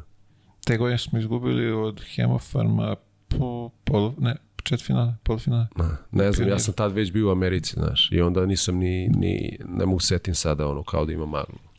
Taj period, ali bila jaka ekipa. Bilo je, mislim, zanimljivo. I Mm. Čak su oni napravili neki, onaj kao, znaš da su pravili neki filmić, Zašto? pa za taj kup, Neću. posle su nam nešto delili, da, ali nemam predstavu. Verovatno da sam, ja sam tad se ono, ispisao i železno. Da, da, da, Malte da, ne, kad to sam je. se povredio, to je bilo to. uticalo na sve, Mm. tako da... Da, tako da ne mogu setim baš te priče, ali sećam se da smo baš dobro izdominirali taj, taj kup. Bilo dobro. No, ono, bilo na mišiće, ali ono, sećam se da smo Vojvodinu nešto jedva prošli, ono. Ta je pola koša, tako nešto. Mm, Vojvodina, da, jeste, sećam se. Vojvodina, Vojvodina. pa smo onda Hemofarm pobedili. je tako? Da, i onda smo, ili obrnuto, ili Partizan, pa Hemofarm ili Hemofarm, pa Ne, Partizan. Partizan je u finalu. U final, bio. e onda je Da, Hemofarm pre. Partizan Pretpostavljam. je bio u finalu. Majše ni ne znam, brat, znaš kada je to bilo. Da, mislim da je Voj- Vojvodina Hemofarm, a ovamo Partizan. I posle on dobio Sjećam se da je Atlas. majstor nešto zakucao Ne, preko kosti, ali tako? To tu bilo? dobili. Kad je majstori zakucao preko... To mi je bilo... Izgubljeni Mića, kako su... Ko ne zna ni šta je uradio lik, ono, znaš kao... Nije bio svestan, Da, da, zakucao si preko Prekucao kosti, da, kostu. ono. Ja, o, znaš, ono njegov. Nije, ma jo, nisam ja. bio. da. Je bila je dobra ekipa. Bilo je zanimljivo, da. Je, je mislim, ne, ne, ono, ne mogu da kažem. smo došli tu malo to pobrkali im lončiće, da, i... Pa jebi ga kad uđu pocenjivački. Ti znaš sam kad ono uđeš Pa pocenjivački dobro, i i bili smo, da, dobiješ. bile je dobre generacije kad posle Da. pogledeš ovaj, Mm, svi su nešto. da su napravili lepe karijerice, Jeste. tako da je onako bila lepa hemija, sve to Ma tu je sve bilo. Da, zašto nisi imao neku prezvezu i onda nisi imao taj, da je neko štrčao, svi su nekako bili homogeni, znaš. U celo, barem je meni tako delo u tom momentu. A imao si Ašketa i, ali Nije, nije Ašket. ne bre, tad, tad smo mi mla- mladi svi bili, Majke. nije niko, ovi su A svi onda otišli. pojma nema čemu. Ja mislim da je Boki, Boki bio najstariji. Boki? 83. Treći. Da. Boki Pop. Pa i majstor ti je drugo. A tako? Tako da, izvini, bio Krca, da. Krca, je bio najstariji, da, da, 81. Krca, da, da, Krca. Krca pa i dobro. Jorović je bio. Da, ali dobro, oni su tek tad došli, nije da, da, kažeš ono da je stara Mm, garda Početak, ostala tu, da, da, to jest. Su oni sklonili sve njih i ostali Mm. smo samo mi. Da, meni su sklonili, otišli su. Dobro, to može i tako da se kaže. Ovaj, šta smo imali? Smo imali još nešto zanimljivo da smo propustili? Nešto da bi dodao? generalno ovako? Generalno. Pa ono, zakačili smo manje više. Nadam se zanimljive Sve, teme. da. A, ajde, sem te povrede u karijeri, šta je bio najteži moment? U karijeri? Da. Pa sve je vezano za to. Mislim, ne mogu da Posle toga sve pa, kreće sve je, glavobolja, Pa, mislim, ne možda imaš gori moment od toga, mislim, generalno. To ti je najgori moment, sportska po, teška sportska povreda, Da. jer tad ti se ruši sneško. A tebi se moment, baš srušio u lepo. To i to, ono, a još je napravljen bio sneško, ono, topi se sneg. I još, pa. Znaš, baš je bilo zeznuto. Kažem ti, ne mogu da izvojim neku težu situaciju. Šta ti je prvo prošlo kroz glavu kad, kad si se povredio? šta će biti, ono, da li je, ono, da li ću moći se vratim na isti nivo, da li neće. Mislim, ono, klasične Tek nedoumice. posle kad su ti saopštili da, da su U, taj je ukršteni. bio, taj je bio haos, mislim, ono. Taj kad mi je rekao, ali znaš, on je rekao to kao, uvatio se za glavu i kao, ovo je za za... Ja rekao, šta? Kao ovo što ste uradili tamo. Ja mislio, ja sad sedam u avion, vraćam se kući, sve do ja... Burazer otišao, ja ostao još tri meseca gore gulio. Sam se operisao, znaš, ceo taj proces je ono, rehabilitacije, ono, terapije, ceo taj osjećaj da si ti povređen je jako, jako utiče na psihu, znaš. Non stop se nešto pipkaš, gledaš, da li je to dobro, da li nije. Znaš. Pa i kad zasvrbi ti misliš da je Sa nešto... ono i onda nešto desi ti odmah najgore, znaš, i onda ti uvek ima ostaviti tu neku mrlju, sigurno. Znaš, i onda tu uvek imaš taj neki Dobro, kasnije ga prebrodiš, neko ne, pro, ne prebrodi nikada, ali u početku je, znaš, ja sam kasnije skinuo i sve steznik i sve, a, znaš, jer non stop ti daje feedback, ono, osjećaj da si povređen. Šta će tebi steznik taj da pom... Ništa, ono, samo kao neku sigurnost u glavi, onda skapiraš da ti on samo podsjeća to navlati, non Da, da, nešto da, da. navlačiš, trndaš, kao, i onda sam batalio sve to, ono, šta će da, znaš, kao steznik će da ti spreči prednju kre... oće, znaš, ono, stegnuće koleno, kao. I onda, Sad kad si to rekao, prođe mi kroz glavu. Cliff Robinson u Necima, znaš. Da. On je tad 40 ili 41, nemam pojma. pa, tad kad, kao kad sam ja bio. 40. godine. I čisto je, ja mislim, atroskopija kolena, šta je bilo i isto mu da stavljaju ovo, znaš, na... Longet- a, ne, ovaj, ne, ovo, steznik. steznik, da. I u nekom momentu utakmica neka, nešto i ovaj kao, znaš, steznik i on kao, ne, ne, šta, nosim to, pomislio da sam povređen. Da, to- da, da. Ne, pa da ne. E, ali stvarno- 40 godina kao da Ne, ali da stvarno koji povređen. tu efekat ima, ali niko ne razmišlja o tome, znaš, onda te drugi odmah, znaš, ono, pa krenu, pa će neko možda neki majmu da, da te gađa u to koleno, Da, znaš, da, da, ako nosiš jedan, ako ne nosiš dva, onda zna odmah da nešto nije u redu. Znaš, uvek si ima one specijalce kao idi slomi nogu, ono, znaš, ovo je, okej, okay, yes sir, znaš, ono, pa, uvek si imao te Sve- sve za ovaj- specijalne to- da, to- da, to- da, podređene ekipe, znaš, i treneri su uvek najviše gotivili takvi igrače. Ne dovedu u pitanje ništa, sve može, Završa im sve što je ovaj... sve što su ovi zamislili, on će da odradi, ne pita zašto, ono, tamo i ono, bukvalno laserski ga navode. Znaš, i taka kad vidi da ti koleno sa steznikom, brate, beži, on skidaj steznik. Negde, a vi sad to, a, opet se vraćam, da li je rvanje bilo u pitanju, pa je, to je, ja mislim, naš neki rvač. povredio je, povredio je levi skoč, tipa jedan Da. skočni zglob je povredio, nije mogo ono, otekla noga, katastrofa, sutra meč za, za finale i ovi kako će, šta će, znaš, ako vide koja je noga u pitanju, oni mu zamotaju Izgleda kontra. drug- i ovaj ga gađa sve vreme. Pljas, ovamo i osvojne. Nisam Sad ne znam da li je naš, ali mislim da je naš tip u pitanju. Ali vidiš, da to su mu je zamotali, trener, to mu je zamotali trener, kontra nogu. taktika, da, da. On ne može je stoji na nogama, ono, znaš, Da, to je ozbiljan bol, potez. strašan, kao. Da, viš kako nisam na drugo koleno stao. Znaš, ono sam na desno nosio. I kao, dalje bi da, igrao, možda, kao. da, da. Ne bi me jurili. Misliš? Pa, brate, ne znam. Uvek sam im osjećao da uvek imaš nekog, brate, koji da te povredi, znaš. Sto puta se susre sa tim. Znaš, ne ide da te, Ali, znaš, ne znam da li je da povedi, ali da ti Bra- pokaže da je fizički jači. Pa znam, tako ali ne- nekako, glup znaš. si onda, brate, jako si glup. Znaš, ako ti nemaš već viziju u glavi da možeš da naudiš tom momku, da mu sjebeš karijeru, brate, onda si glup kao na stvar. Znaš, šta ćeš ti kao, ono, jak si, bravo, brate, idi onda na boks. Idi pa se tuci na ulici, a ne tu sad ti kao faul sleđe. To faul sleđe, to bi u zatvor, brate. Majke mi. Kakav crveni, crveni karton bi u stvari uveo u košarku. Pa ajde, znaš, ono, ili tako neki si, znaš da ne možeš, brate, pusti, ono, dva, znaš, kao ti imaš srce, kao bacaš se po terenu, bravo, brate. A ovaj bogalj sutra. Da, to je to. Pa, da. Ali kažem ti opet, ja mislim da, da Ne ide neko svesni, pa da. ne ide neko sad kao, e, sad ću te ja povredim, ali Nego muški da napravim faul. znam, ali muški i glupoća, znaš, ono, jako tanka linija, Mala znaš, razlika. mala je razlika, ono, kao, glup si, jako si glup, brate, ono. Još, u- ako je prijateljska utakmica i to, e, onda ga treba, ono, Znaš, ono, kao neko te povredi s leđa sa, na prijateljsku utakmicu. On, nije krenula sezona, ono, za dva meseca kreće. Ti, ono, gledaš, ne znaš, precrtavaš dane priprema. I ovaj te povredi kao na prijateljskoj utakmici. Ali to je sve da bi se on nametnuo treneru. Da, da. Iz najbolje želje. Jest. Pa, bukvalno, pa ali jest. Pa, da. On drugačije ne zna. Da, To je- kako pravi faul. Ali to, vidi, on drugačije ne zna. Pa ne zna, ali Jer da zna, ne bi to radio. To je slažem se. prosto. Da, slažem se. Tako da, trebamo oprostiti. Trebamo. A, reci mi, plan za, pričali smo o tome za posle karijere, nije ništa bilo nešto ono planski da se Pa znao. jeste, kažem ti, mi smo celu tu salu krenuli da Aha, aha, to je, pripremali da, smo, da, te, aha. mislim, ja, ja, Jasmina je u celoj toj priči već odmah posle njene karijere, ona je prestala da igra, čini mi se posle Panatenikosa, to je 2011. I ona se jako brzo pronašla u svemu ovome što danas radi, znaš, sam trči ove trke s preprekama i ono, otišla je baš na ozbiljan nivo što se toga tiče.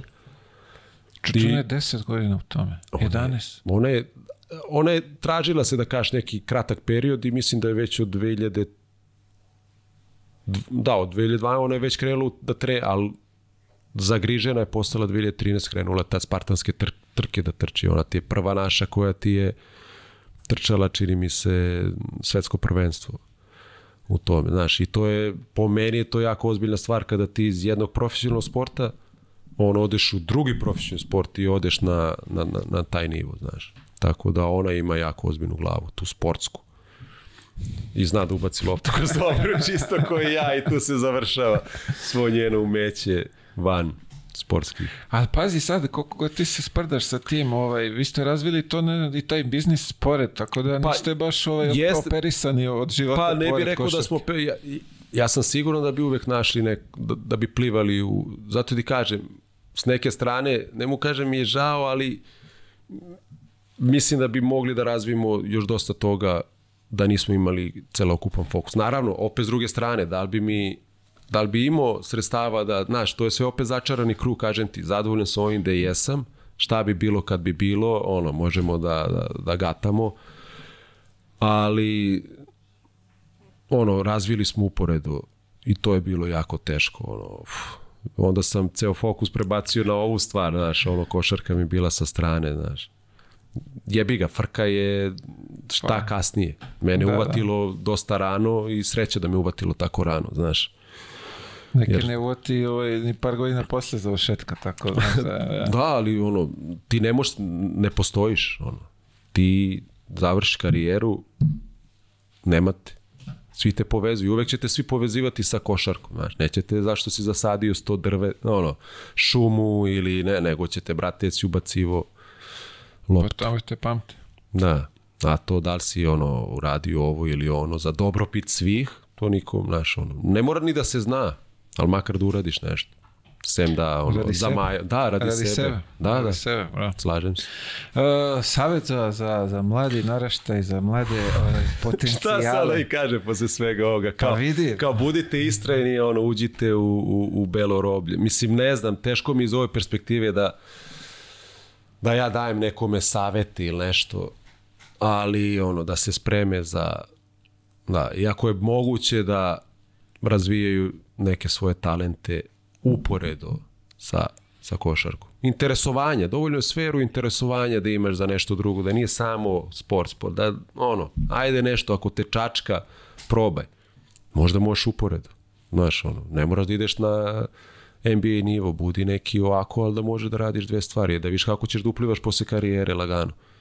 Znaš, ono, ko zna koliko među, košarka, među sportistima imaš ljudi koji bi možda bili umetnici ili, ili nešto drugo bi razvili, razumeš? Nego ti gledaš sve po fizičkim predispozicijama. Ti si za ovo, ti si za ono, kao ajde ovo. Ovo je, ovo, je, ovo je drvo njega pod koš. Da, da, da, ovo je centar, vi kao šta ćeš ti drugo nego košarku. Pa šta je prvo što ti? Je li igraš negdje? Jesi igrao košarku? Ono, to je prvi sinonim za visokog čoveka. To što, brate, su vrate i dalje na standardu 198, što smo diskriminisani po svakom pitanju, niko ne dovede u pitanje. Znaš, ali ono, kad debelom kaže debeo, to je uvreda. I onda, znaš, a mi, ono, patimo, brate, sad sam prvi put mogao da napravim sve po sebi, ono, pošto kuvam, ono, obožavam kuvam, cela kuhinja je po mojim gabaritima i onda neko kad 120. dođe, pa na 115 ili 120, na, da, i onda sad kad dođe neko, ono, kao Gulliver, ono, jaca čak mora se penje na hoklicu da bi zadnje dovati, ali, znaš, ono, prvi put u životu da hoću po, po meni, znaš, ono, neću više se savijam, ono, Neću po standardu, hoću po svojim da, merama. da, da, bukvalno, znaš, uvek smo mi nek, ono, kao jebi ga visok skloni noge, šta ti radi, Pa to. snađi se. I ovaj, meni i dalje avionska ona sedište. To, to mi je Koja te, patnja. Još asi u sredini. Još pa te ovaj malo, za exit, da, ono je pogledam me kao čovek. još ono neko malo ono kurpulentni, pa te ovako, Da, da, kao, da, pa malo. zauzme prvi ovaj, kao neće stave, a pazi ovi zavio kompanije neće stave dve ručke, nego jedno, brate, uštede mesto i onda, brate, se guraš, ono, laktoza ovde, laktoza ono, trpiš da ti se, no, brate. Seća, stvarno sam. A pazi, ali kad neko dođe već, da, onda njemu daju veće se, ali mi kad smo veći, jebi ga, brate. Znaš. Ali mi smo a pazi, veći a mi u- nismo u birali, dužinu, brate. da, a mi nismo birali da smo ovoliki, a on je birao da je toliki. Uglavnom, ruku na birao da je- srce, da je debo. ruku na srce ima slučajeva, Tako ali je, to da. su zanemarljive brojke, razumeš? Istina, Uglavnom je ono si rekao- manđare. Kad si rekao da borba za ono, bre, da, da staviš lakat. Bukvalno, na- znaš, ono, sediš kao, po, on kao zaspi, pa mu ti ovako kao skloniš, pa kao, znaš, kao praviš se lud. Da. da I to je uvek, a koliko smo puta putovali, ono, pa ili neki autobus dođeš, ono, tamo, pa si iskriviš, ono, pa kao ovim slabijim ekipama, kad je pa pravo iz autobusa, nema ono kao kakav bre, prespavaš, nego pravo iz autobusa i igraš, ono, ukočeno, a ne znam, ono, koleno mi je ostalo kući, ja kao treba, ono, kasniš na utak, mislim, niko nema, jebi, plaćen si za to. Plaćaš se da, za to, pričaš. prijatelju. Da. I onda kad ti kaže, a ima i ovi što rade za Da, da. 200, tada koliko Da, su da, pričali, da, 150 maraka. Kao, ima- Jeste, pa, pa i ima i oni treneri što su vodili u fabriku, pa, znaš, kao, ponižavo igrače. Ima A koliko ti praviš da. kao trener? Ajde, znaš, kao, šta pričaš tu igrač? Znaš, oni, oni sebe stave uglavnom iznad po toj nekoj hijerarhiji. Pa valjda tako treba. Znaš, Sigurno tako treba. lagana Da. pričica. A, reci mi, tetovaža imaš, Uf, imam brda. Malo kako sam... je to pokrenulo, kako je, kako te uhvatio taj talas? Pa nema poj, uvek me je nešto to privlačilo i onda sam malo krenuo Kad si prvi put išao? u Americi. Tad kad si čekao? Da. Mm. To od nervoze ili... Pa ne, uvek sam imao u planu i čekao sam napunim 18. rođendan, napunio sam, ispoštovao sam Ispoštao sam protokol. roditelje. Da, i onda je da, ali sam imao uvek problema s kemom, uvek sam je obećavao, Neću više. neću više, neću više i onda je tu uvek bila večita borba I baš mi u par momenta ono bilo žao, vidim, znaš, ono, kevo, ako sad nisi posle 10 pomirila, ono, znaš, uvek će, bit ćeš ko Mikijev zabavnik, znaš. Rekao, Moći će deca da čitaju se. I onda, da, I onda ja kad si stoje, onda krijem te tovar, znaš, neko vreme, onda ili se nekad zaboravim, i ona vidi onda, ono, fras. Ili uzmem neki, znaš, ono, kao poklon, I kao ja, pa, znaš, ono, i onda kao absorbujem celu reakciju, ali... Podmićuješ. Da, ali kapiram da ću još dosta. Sad sam napravio malu abstinenciju iz nekog razloga, ne znam, eto tako došlo. Za ozici, brate, ti došli kuću, ma ne samo to, baš šta me ubi. baš šta me ubi. Ti pored šume sadiš šumu. Da, to nam je cilj da što više ono zasadimo. I, ovo sad, lako mislim... je poseći, ali aj zasadi. Da, da, prijatelju. Mislim, možeš i da nije zasadiš. lako ni ne, nije lako ni poseći da se ne lažemo, ali teže je zasadi. Ono, ajde, zasadi nešto. E, možda zasadiš, ali da sad čekaš da porasteš. E, ali tu je, tu je, da, tu je, svi hoće ono zasade gotovo drvo, brate, ne može. Znaš, ima ono, Pa ima i to ima sad, izre, ali... Da, ima izreka ono, pametan je onaj što zna, što sadi, a neće uživati u njegovu. Da, da, da, to da, je, da. mislim, što, je, što jeste, ostavi nešto iza sebe, ne samo sad hoćeš, daj, drvo 10 metara, odmah posadi, to ne može. Moraš čekaš, moraš da ga neguješ. Da proces. Ga, da, proces, proces. jebi ga. Uh, sad kad si spomenuo, pada mi na pamet, divljači ima, hvala Bogu. Uf, divljači ima svega, da. Ima... Jel frka malo?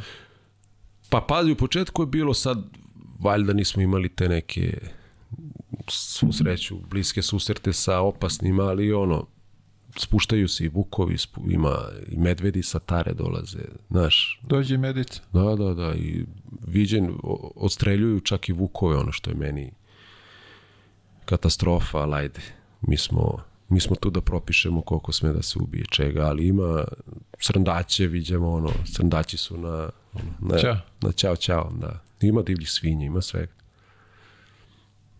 Da. Pa Imamo ove gradske kerove koji, ono, te oližu. Šalim se. Pa znam, ali ne bi oni smeli da s njima, s njima u, u ma tuču da uđu. Ma kakvu tuču, Vuki, ma kaki, Vuk ih jede, ko... Vuk ih jede za doručak. Jeste ni stavili one, one bodljice? One Nismo, vrata, ali, ne? znaš, ono, uvek su nam tu pri ruci kad šetamo, ne puštamo. Imamo ogradu, znaš, stavili smo ogradu.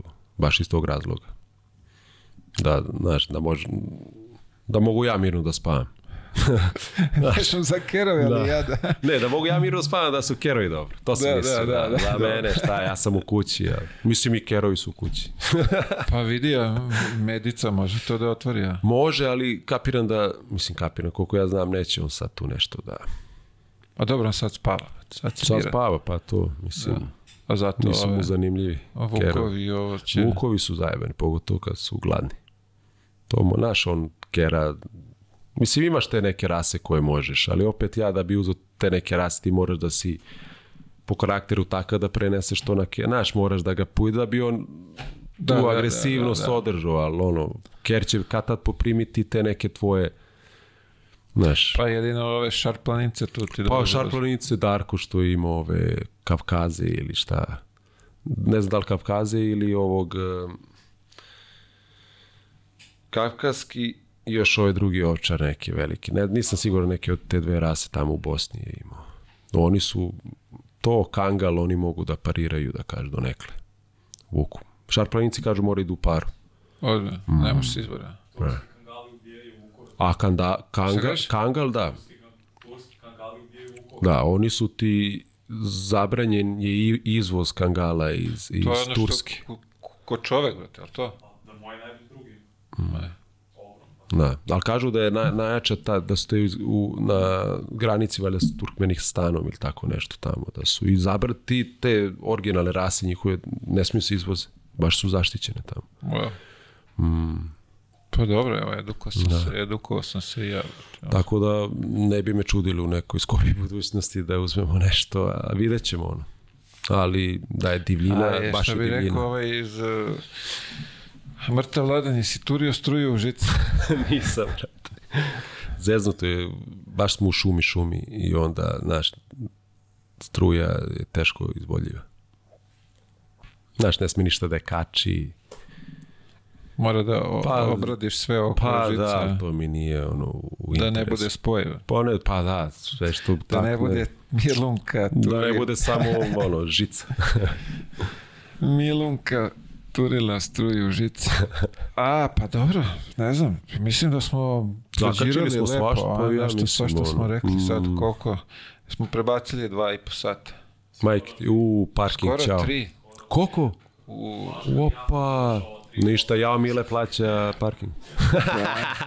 na kuću, na kuću, to ide na kuću. Već što imamo problem Ne. s parkingom ovde. Nadam Ne, se ne, da će zem, pa da mislim izađe nije ovde susret. problem je ceo Beograd s parkingom. Veruj mi da sam ono, s Martićem došao baš iz tog razloga, nisam mogao ga učičkam nigde. Pa, vidi. Znam sve. Znam, znam šta pričaš, prolazim ja kroz to, tako da... Dragi gledalci, bio NBA prospekt. Sa jednim tužnim završetkom, nažalost, Ili na sreću. na sreću. Pa, ajde ovako gledamo na, sa košarkaške Sa strane, nažalost, Da, sa ove tvoje strane ti Tako kažeš da je na da. sreću, drago mi je da, da si se ovaj pronašao stvari u, u nečem drugom. pazi, pronalazim, ali mislim da je to to. Da. Ono, da. Barem ja osjećam po sebi da je ono. Jer kažem, jedino je možda da bude, ti jedino možda budeš srećan ako radiš isključivo stvari koje ti ispunjavaju srećne. Znaš, da ništa ne radiš preko one stvari. Jer Da. sve je to onda mučenje. Znaš, svaki, zato smo tu da, da, svako radi ono što, znaš, ono što voli. Da, ne moraš da radiš sve preko kurca samo da bi uzeo pare. Mislim, ok, dovedete situacija na ivicu naše egzistencije pa donosiš kompromisne odluke, to sve stoji, ali ako možeš da biraš, uvijek biraj ono što, što voliš. Jer tako ćeš biti srećan. Ovo sve ostalo je mučenje. To je poruka za kraj. Radi ono što voliš. Recimo, tako je. Uh, nadam se da smo vam ulepšali ova tri sata, da je razgovor bio zanimljiv. Pomozite, evo ovde imate sve, celu emisiju stoji. Pomozite Ogiju, spasite mu život, pošaljite poruku, nije to mnogo, to je nekih 200 dinara poruka, to je danas jedna kafa, espresso, u nekim radnjama Pola Nije, kafe. Pola kafe, da. Ali, otprilike, to je jedna kisela voda, možda malo jače, tako da naćete neki kompromis, budite ljudi, pustite poruku na 1374 za njegovo zdravlje. A, to je bilo ukratko od mene molba, a mi se vidimo sledeće nedelje. Prijatno. Pozdrav.